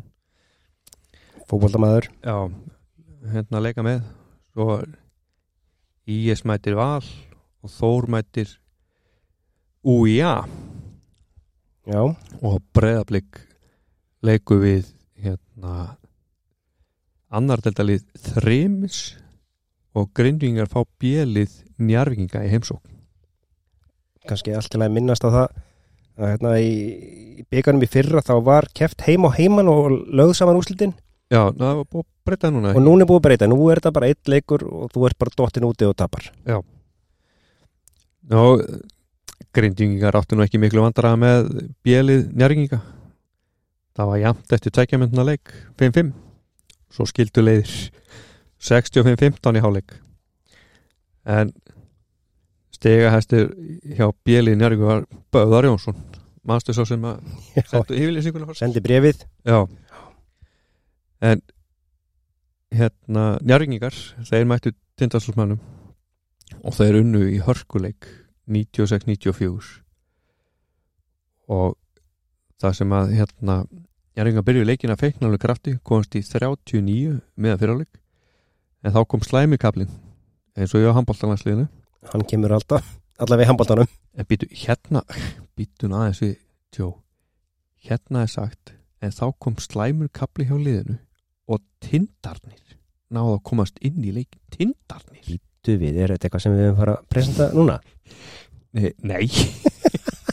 Þetta Ok. okay. gæti orðið vinsælt já, hver veit tindarnir, já stólanir við sem við Já, ég held að segja sko. betra og það sem að tindarsólsmenn komast inn í leikinu og náðu að gera 21 stík gegn tveimur á fjórmyndur og það var stóleikur Einar Einarsson sem gerir gjafminn, hann skoraði 13 stíðum sem kapla það er að þrjá þryggjastega korur og Njarvíkingar náðu síðan 20 stega fórskott 80-60 og það var aðeins spursmál hversu stór sigur Njarvíkingar væru sko. En þegar nokkar segundu voru eftir var staða 95-94 og Njarvík skora á vítaskoti 96 94 þegar 8 sekundur eftir. En tindastól þeir mistu knöttin og leiktími rann út sko. Þannig að þetta hefur verið hörkuleik Já, bara strax í 16 liða já. og dómarannir áttu frekast lagan leik. Já, það var ekki liðið það langt að blaða með og ruglaði með dómarina nei, Nei. en káringarnir þeir unnu hérna uh, hauka 92-80 og var svona var hérna frekar örugur þessi sigur. Já, þarna er sér satt uh, maður þegar við tölum um sjómastökur upptökur af olbóskoti já, það var í þessu leik sem að Damon Waynes var vísað að velli fyrir olbóskot sem að sjónvarpinu að mynda og, og dæmt Já, eftir. já. ok. Og mjöstu að hafa var hérna minka eða sem sagt fækkali áttu að vera tökjaleiki var settu bara einn. Já, akkurat og þessi ágæti blaðamaður JKS veit ekki hver þetta er. Ekki ég. Nei, ekki Jóhann Kristinn Steinarsson. Nei, nei, nei, ok. En hann skrifar hérna Undirritað leggur ekki vana sinna að taka dómara sérstaklega út en hjá því verður ekki komist að þessu sinni. Dómara leiksins höfðu tök á leiknum lengst af en þegar á setni hálfleik leið mistu þeir öll tök á leiknum. Þetta á ekki aðeins við um þennan leik en á mörgu leikjum í vetur hafa dómara verið í aðalhlutverkum aðeins örfáir komist skamlust frá hlutverki sínu Það hlýtur að vera forgangsverkinu á KKI að koma þessu málum í lag sem allra fyrst menn þurfi ekki annað að hafa snefilvitt á körgnatleik til að sjá að þessi mál er í miklu ólestri. Já, Ok. það er bara að vera að láta að heyra það En dómaran í þessu leik var Kristján Óskarsson og Helgi Bragason. Já, Já, það er bara, já. það er bara, já, maður getur ekki sagt eitt annað. Er. Já, nákvæmlega. En uh, Íringar, þeir sigriðu snæfellinga. 91-82 og hann uh, vinnur okkar Frank Búker. Hann skoraði bara 32 stík Æ, greið Nei, maður má ekki segja svona. Hann, hann var góður. Já, uh, valsmenn þeir unnu örglega, IS örglega 6700 og keflingar þeir unnu hérna víkverja frekar örglega 122 og 72 og það var Ólafur Gottskálsson markmaður í knæspöldnum hann skoraði 24 stig fyrir víkverja. Já, hann sem ætlaði í grinda hann var að spáða fyrir Grindavík já. Hann tekið eitt leik hann í bygganum Allir það ekki. Já. uh, Já og Ívar Webster og félagar í UIA þeir voru ekki mikil hindrum fyrir Þósara í sestalúslutum töpu 89-48 Mér langar aðeins að minnast á eitt hérna í þeim leik. Já. að það er alltaf Eftir hvern leik er alltaf talið upp sko stigastu leikmenn. Já. Það er sko Ég vil taldir upp ykkur 2-3 sem eru sko með 20 og 10 og 15 eða eitthvað stig sko. Eftir þennan leik Nota bene, hann fór 8-10 í 48 Svo kemur Stigahæstir Þórsara voru Konráð Áskarsson með 22 stig og Jónar Guðmundsson með 15 stig. Já. Svo kemur, en hjá UIA voru þeir Kristján Rapsson með 27 stig og Viggo Skúlason með 4 stig. Hefði ekki mátt sleppa því bara að segja hann. Já, það bara var bara aðrir minna. Já, stigaðastu með 27 Já, Já, ég finnst þetta gengja Herðu, Já, það var síðan dreigið áttalega úrslit í bygganum og Káringa fengu hérna breyðablík Káður breyðablík var að kefla Grindavík Njarvík og Þór IR mm og það fóð nú svo að keflingar slóðu valsmenn út. Unnu hérna 76 87 já, og leikurinn var frekar hérna sveiflukendur já.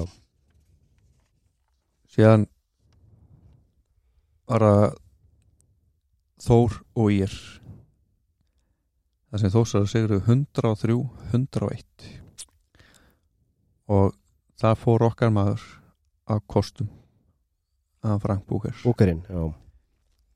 Það sem hann tókst næstum því að vinna upp 21 stis fórskott á síðustu mínútunum. Hann fór reynilega hamförum hann Ég mér sýnist það.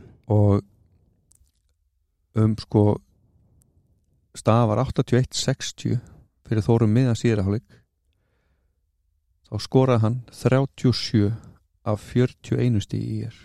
Þetta er og hann skoraði 23 stig síðustu þrjármyndunar já. og 14 stig á síðustu mínútunni. Já, það er bara þokkalegt, skal ég segja þér e, já. Þetta var bara rugg sko og hann endaði leikin á því að setja 64 stig. Já. en það duði ekki til. Nei, í miður. En það hérna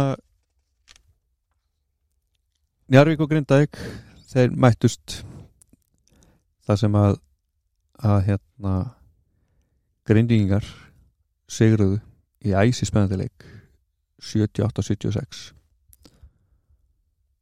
það sem að loka myndun voru bara mjög spennandi. Njarvingar jöfnuðu leikin þegar 27 sekundur eftir með tveim vítaskotum Teits Öllegssonar Grindingar fengur knöttin og Guðmundur Bragason gerði sér lítið fyrir og skoraði sigurköruna á síðustu sekundarum leiksins. Og þetta var í annað sinn sem Guðmundur skoraði sigurkör á síðustu sekundarum Já, vilgert í húnum Já, þannig að þarna voru Njarvingar sleiknir út Hvað var þetta fyrsta sinn? Í fimm Já. ár það ekki? Já. Jú. Já. Herðu, það var dreigð og það sem var káringar í fjáralúslit, það var káringar takumandi Grindæk Já. og Keflavík og Þór myndu mætast og það var nú svo að að, að Keflavík og Grindavík þau nei, Keflavík og Káir fyrir ekki Keflavík Káir þau unnu sína leiki. Það sem að Káringar unnu öruglega Sigur og Grindavík 120-94 Já, og þetta var bara bara walk in the park eins og sagt er sko. Já, tölvöldna bera það með sér. Já, og sama hjá, hjá hérna, Keflavík.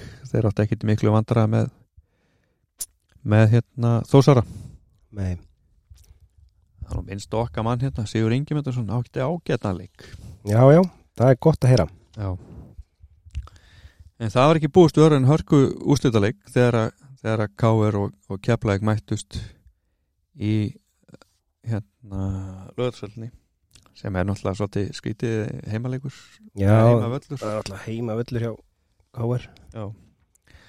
Og fyrir leikinn, ef maður skoðaði tölfræðina, þá var nú hérna Keflavík svona meira uh, með betur tölfræði. Já, bara með yfirhundinu öllum stigum bara nánast En það er svo sem ekkert að marka þegar það er komið í leikinn sjálf. Nei, nei, það er endur alveg rétt Og það fóð nú svo að Káeringa sigruðu keflinga nokkuð öruglega í úrslitaleiknum í byggakefni. Og það hérna, þeir áttu bara aldrei séns þarna. Nei. Keflingar, því miður. Þannig að annaði í röðu keflag að, að tapa í byggarústum Já, en svo er líka skemmtilegt að minnast á það núna að þegar að Páll Kolbensson tekur við KR þá var fyrirsögnin í blaðinu við ætlum að bæta byggarnu við jú, jú. þannig að hann gerði það svo sannarlega en hann náttúrulega slefti bara öðrum tillum Já, hann, hann Já. slefti Íslandsmetartillin. já, þannig að það var svo fyrirsögnin allavega virkar fyrir hann Já, svo hérna, ég er nú búin að minnast á þetta áður hérna, mannstu þessi litlu punktar hérna á spásíðun alltaf í mókanum, íþróttir fólk. Já. Það var eitt hérna sem þrý leikmenn káir klættu sig úr innst í búnisklánu fyrir leikin. Það voru reyndustu mennliðsins Páll Kolbjörnsson, Guðni Guðnason og Axel Nikolásson voru mjög fyrir sjáir. Veistu að hverju gera það? Uh, ef ég ætti að giska þá var þetta eitthvað sambandi við svona eitthvað kampavíssprautun eitthvað? Jú, já sko. Þegar kampaðinsflöskunni voru opnaðar og sigunum fagnað sjálfsögðu í miðjuklefanum voru þeir einu sem áttu þurr fött bæli að vera að hugsa um þetta fyrir leik hvað er ætla ég að hengja föti mín. Jú, jú. Það hérna það var mikið kalla hérna Axeli Svikarinn. Við Já. vinnum byggarinn já, hjá okkur ætla að segja því ég var hérna einn af þeim sem að varst að garga þetta? rópaði á hann sko. Setti þetta ekki bara eld á nei, bensin og eldin í honum. Bara fýraði hann aðeins upp. Ætli það ekki. Gruna það. Herra, þetta var byggarinn já, viltu fá Eigum við þá ekki að landsliðin kíkja eins á landsliði Vill nú að hendast yfir það. Já, vildur þú fá ef ekki að ver, við erum að hafa betta í því líka. Já, já, þá tökum við bara þennan hérna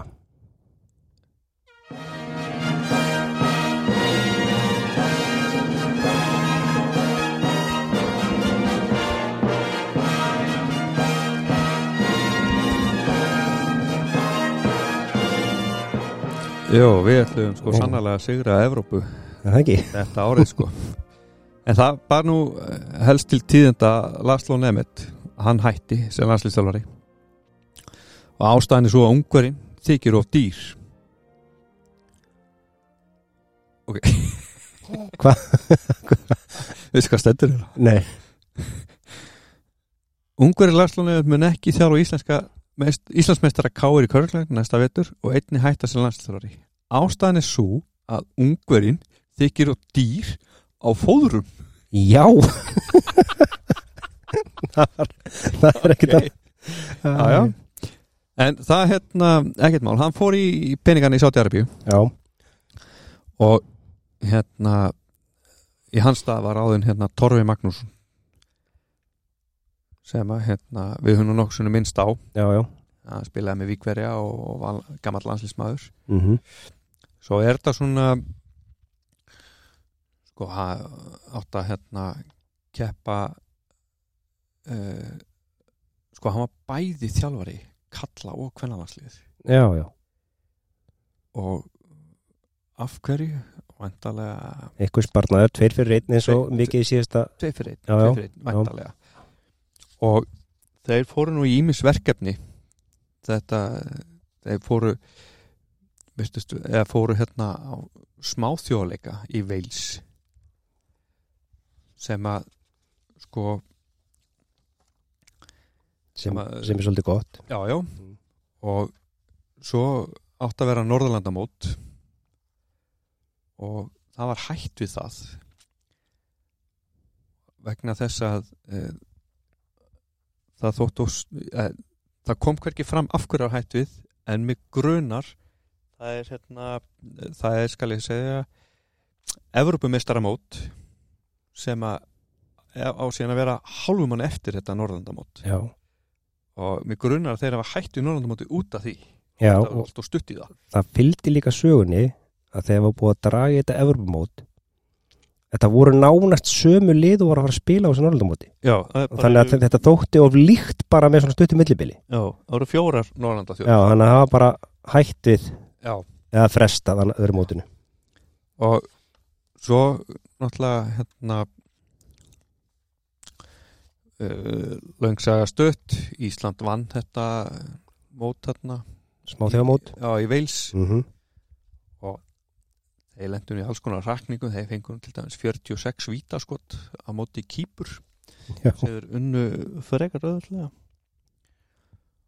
og svo hérna í undanúslunum móti Luxemburg það hérna þau unnu hann eftir framlengingu 98-93 og það var hérna voru miklu, miklu basli við hérna þá með lúksarana Já, en það er svolítið öðru svið hérna í Veils sko en á Íslandi getið þér jói.